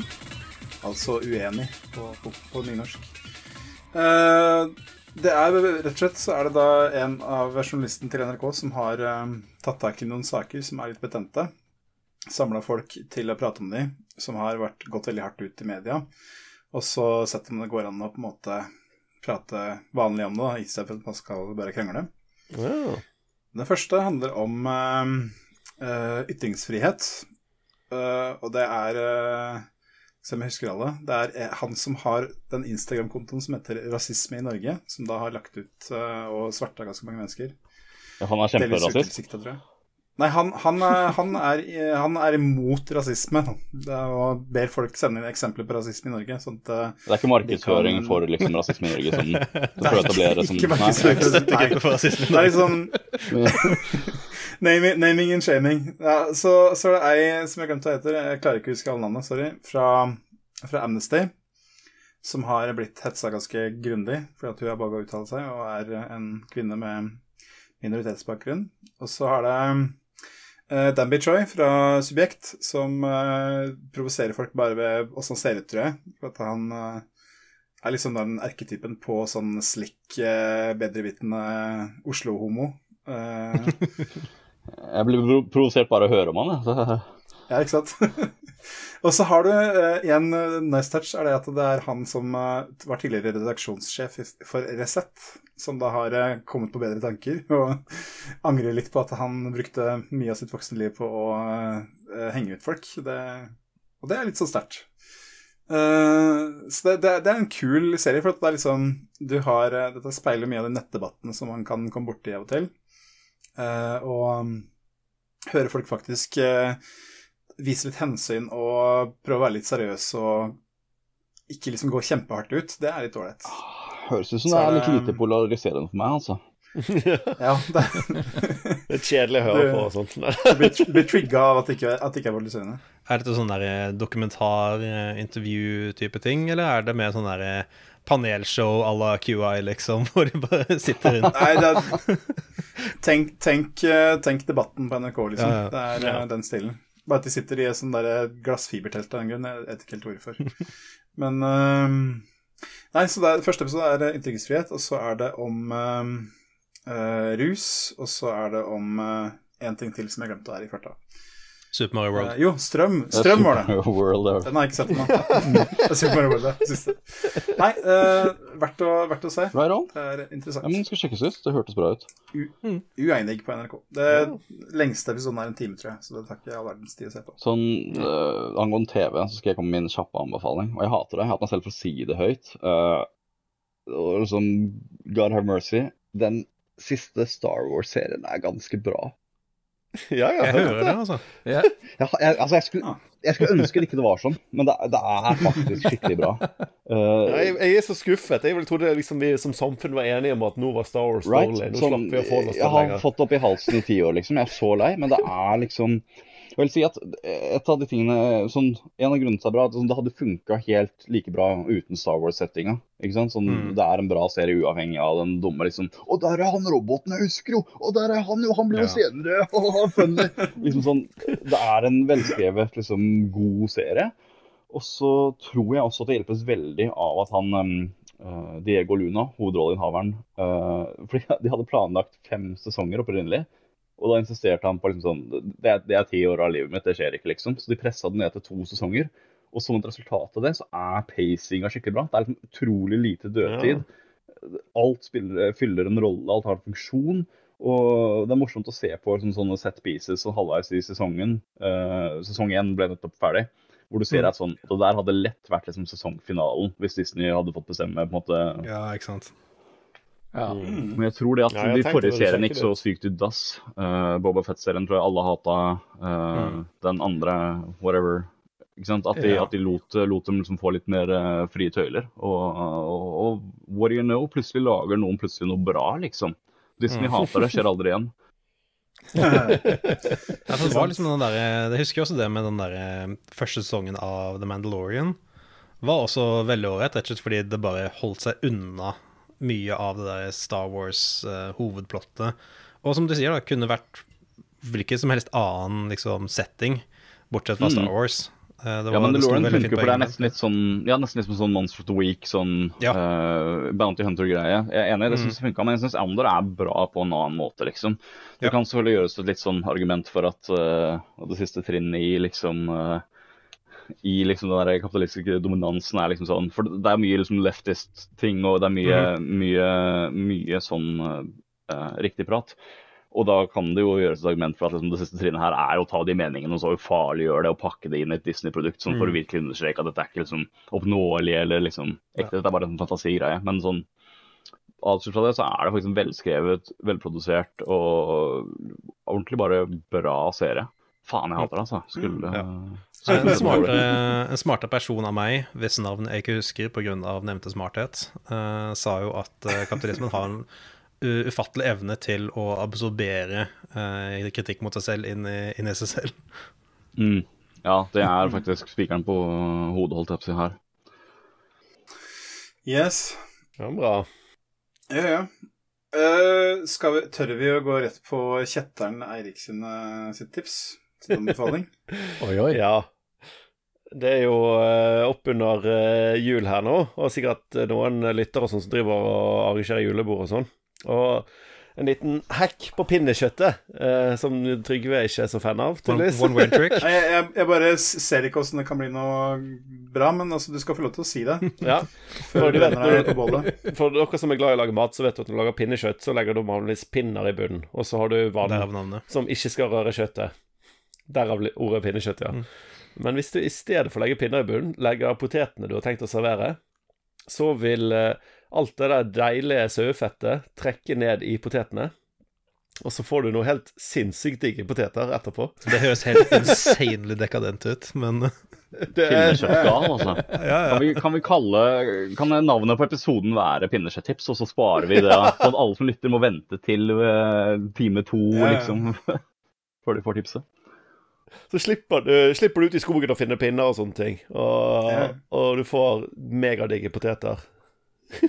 Eneste Erik, som du ikke har tenkt på, er at da, da kan du ikke kalle det pinnekjøtt lenger, du må kalle det potetkjøtt. Ja, det er ikke like bra, bra ordlyd, men eh, Så jeg, jeg, jeg syns jo her at det er kjetteri av verste skuffe. Det liksom eh, ødelegger alt som Sorry, sa du, sa du er kjøtteri? Ja, kjøtteri.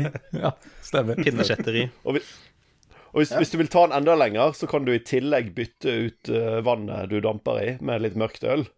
Ja, ikke sant. Og da, da har du eh, man. Da har du den uh... Og så kan du bytte ut pinnekjøttet med Big Mac. Ja. Så, virkelig dekadent. Kommer PST ja, og det, sparker det, det blir veldig bra. Men, men det er derfor, derfor jeg anbefaler nå, ikke siste episode før jul. For jeg ville jo ikke funnet på dette for julaften-pinnekjøttet, men for de der forjuls eh, hvis, man har en, no, hvis man skal innom en del sånne eh, julebord, så kan man liksom være litt funky på ett av de, tenker jeg. Det må Være være litt, lov. litt, være litt gæren. Ja. Ja. Nei, det, er- det, er- det, er ikke, det er ikke lov. Det er det ikke. Ja. Vær litt gæren og fiks en ribbe isteden. Ja, det går an. alt annet. Bytte ut pinnekjøtt med ribbe, ja. Det er bra tips. Yep. da damp det i en, eh, Yes. damp det en kjele på pinnen. Ja, fy faen. Det blir, det blir sprøsmor. Nei, uff. Der har du deilig sår, altså.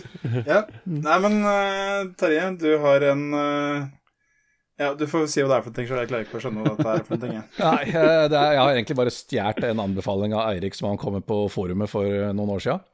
Ja, Og det er en sak som heter Millheat Socket. Og det er en uh, dingsboms som uh, rett og slett gjør uh, gamle panelovner og eh, radiatorer og diverse, det gjør dem til smartovner.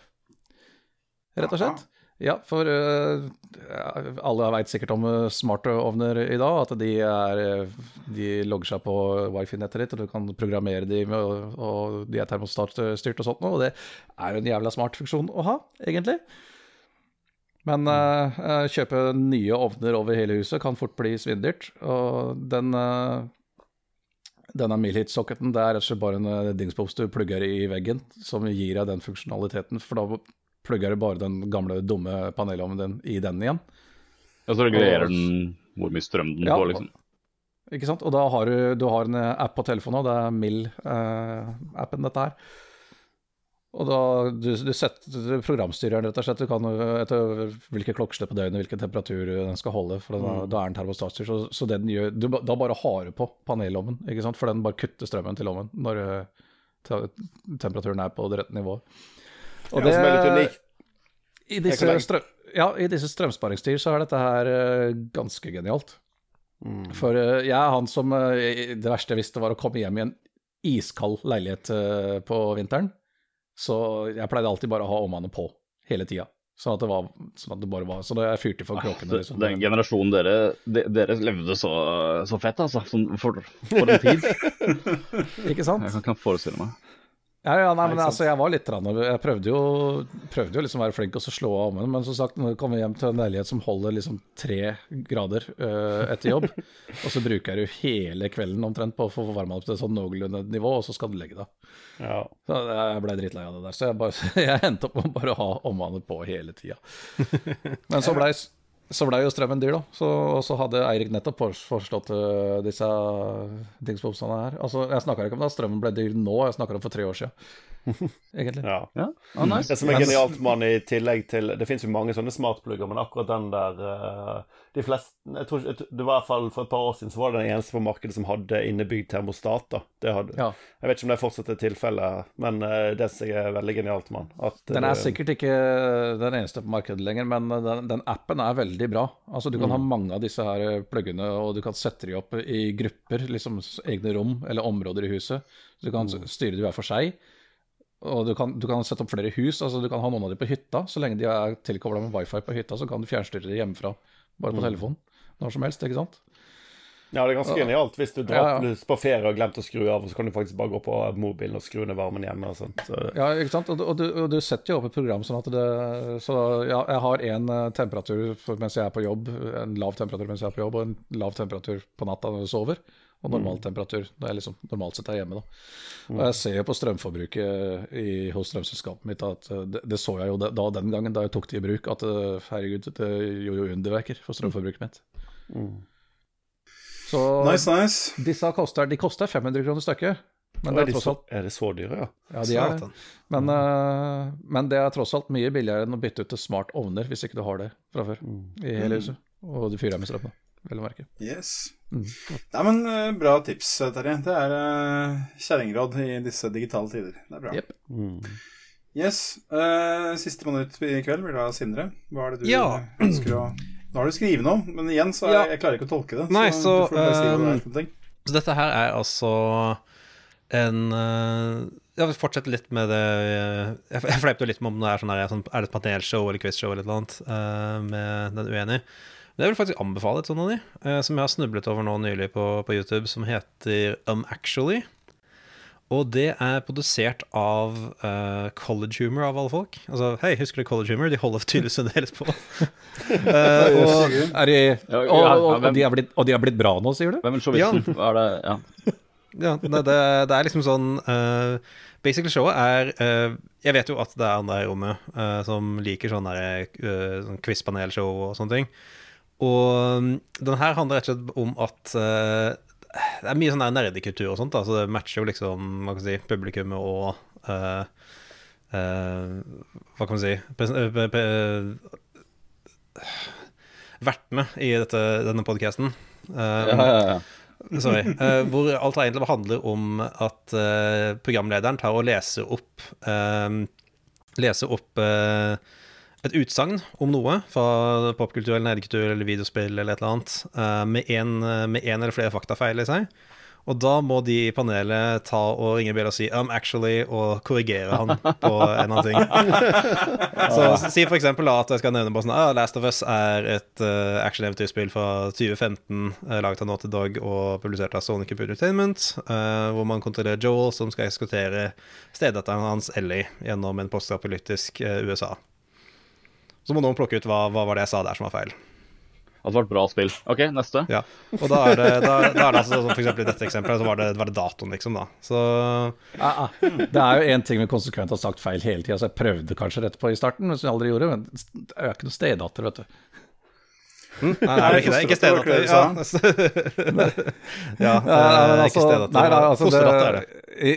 I, det første Det er så faktisk er det min bare datter. Uh, jeg spilleren. Det er jeg som har disse følelsene for uh, Ja, greit. Ok, ok, vi dropper dette her. Men altså Det er ikke liksom dette, er, dette er en gjennomsnittlig episode av dette showet. da Det er, det er ganske funny, det er velprodusert, uh, det er gode sett og alt det der. Og så er det liksom han, Verten er morsom, og gjesten de får på, er artig nok, de. Så en god sånn lavterskelunderholdning å bare slenge på TV-en. Og de har laget jævla mange sesonger, det viste seg. Jeg fant sånn 100 episoder på YouTube. så det er, det er, en egen følelse når du oppdager et eller annet program du liker, og så innser at her er det 1000 episoder. Yeah, yeah, det er best. Så, så, dette er det jeg liksom har begynt å bare putte slenge på i bakgrunnen på TV-en mens jeg lager middag eller et eller annet. Bare ha noe i bakgrunnen. Nice. Hmm. Mm. Veldig nice. Det skal sjekkes ut. Mm. Um, actually, altså. Um, actually. Uh, Yep. Ikke love actually. Det Ja. Nei, men uh, dere, uh, jeg lurer på om ikke vi bare må si tusen hjertelig takk for i kveld, for at nå er klokka blitt mye. Ja. Jeg har ei kjerring som akkurat kom inn døra, som jeg mistenker er litt misfornøyd. Say no more. hvordan Kjerringer, gutta. Har jeg rett, eller?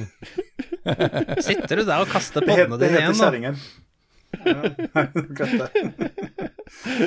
Nei, men dere, uh, tusen takk. Det har vært uh, veldig uh, sjokkerende å høre hva dere syns om eh, de fantastiske spillene vi har eh, alle elsker så mye. Jo, selv takk. Yep. Selv takk, Trygve. Bra, bra vertskap. Jeg skal nå reise meg, sånn at jeg kan sette meg ned og tenke litt på uh, alle disse sjokkerende meningene. Og ja, livsomveltende. Ja, ja, ja. Ja. Det foreslår jeg selvfølgelig at alle som hører på, gjør også. Det- Skuffende tenk- tenk lite faktisk krangling, syns jeg.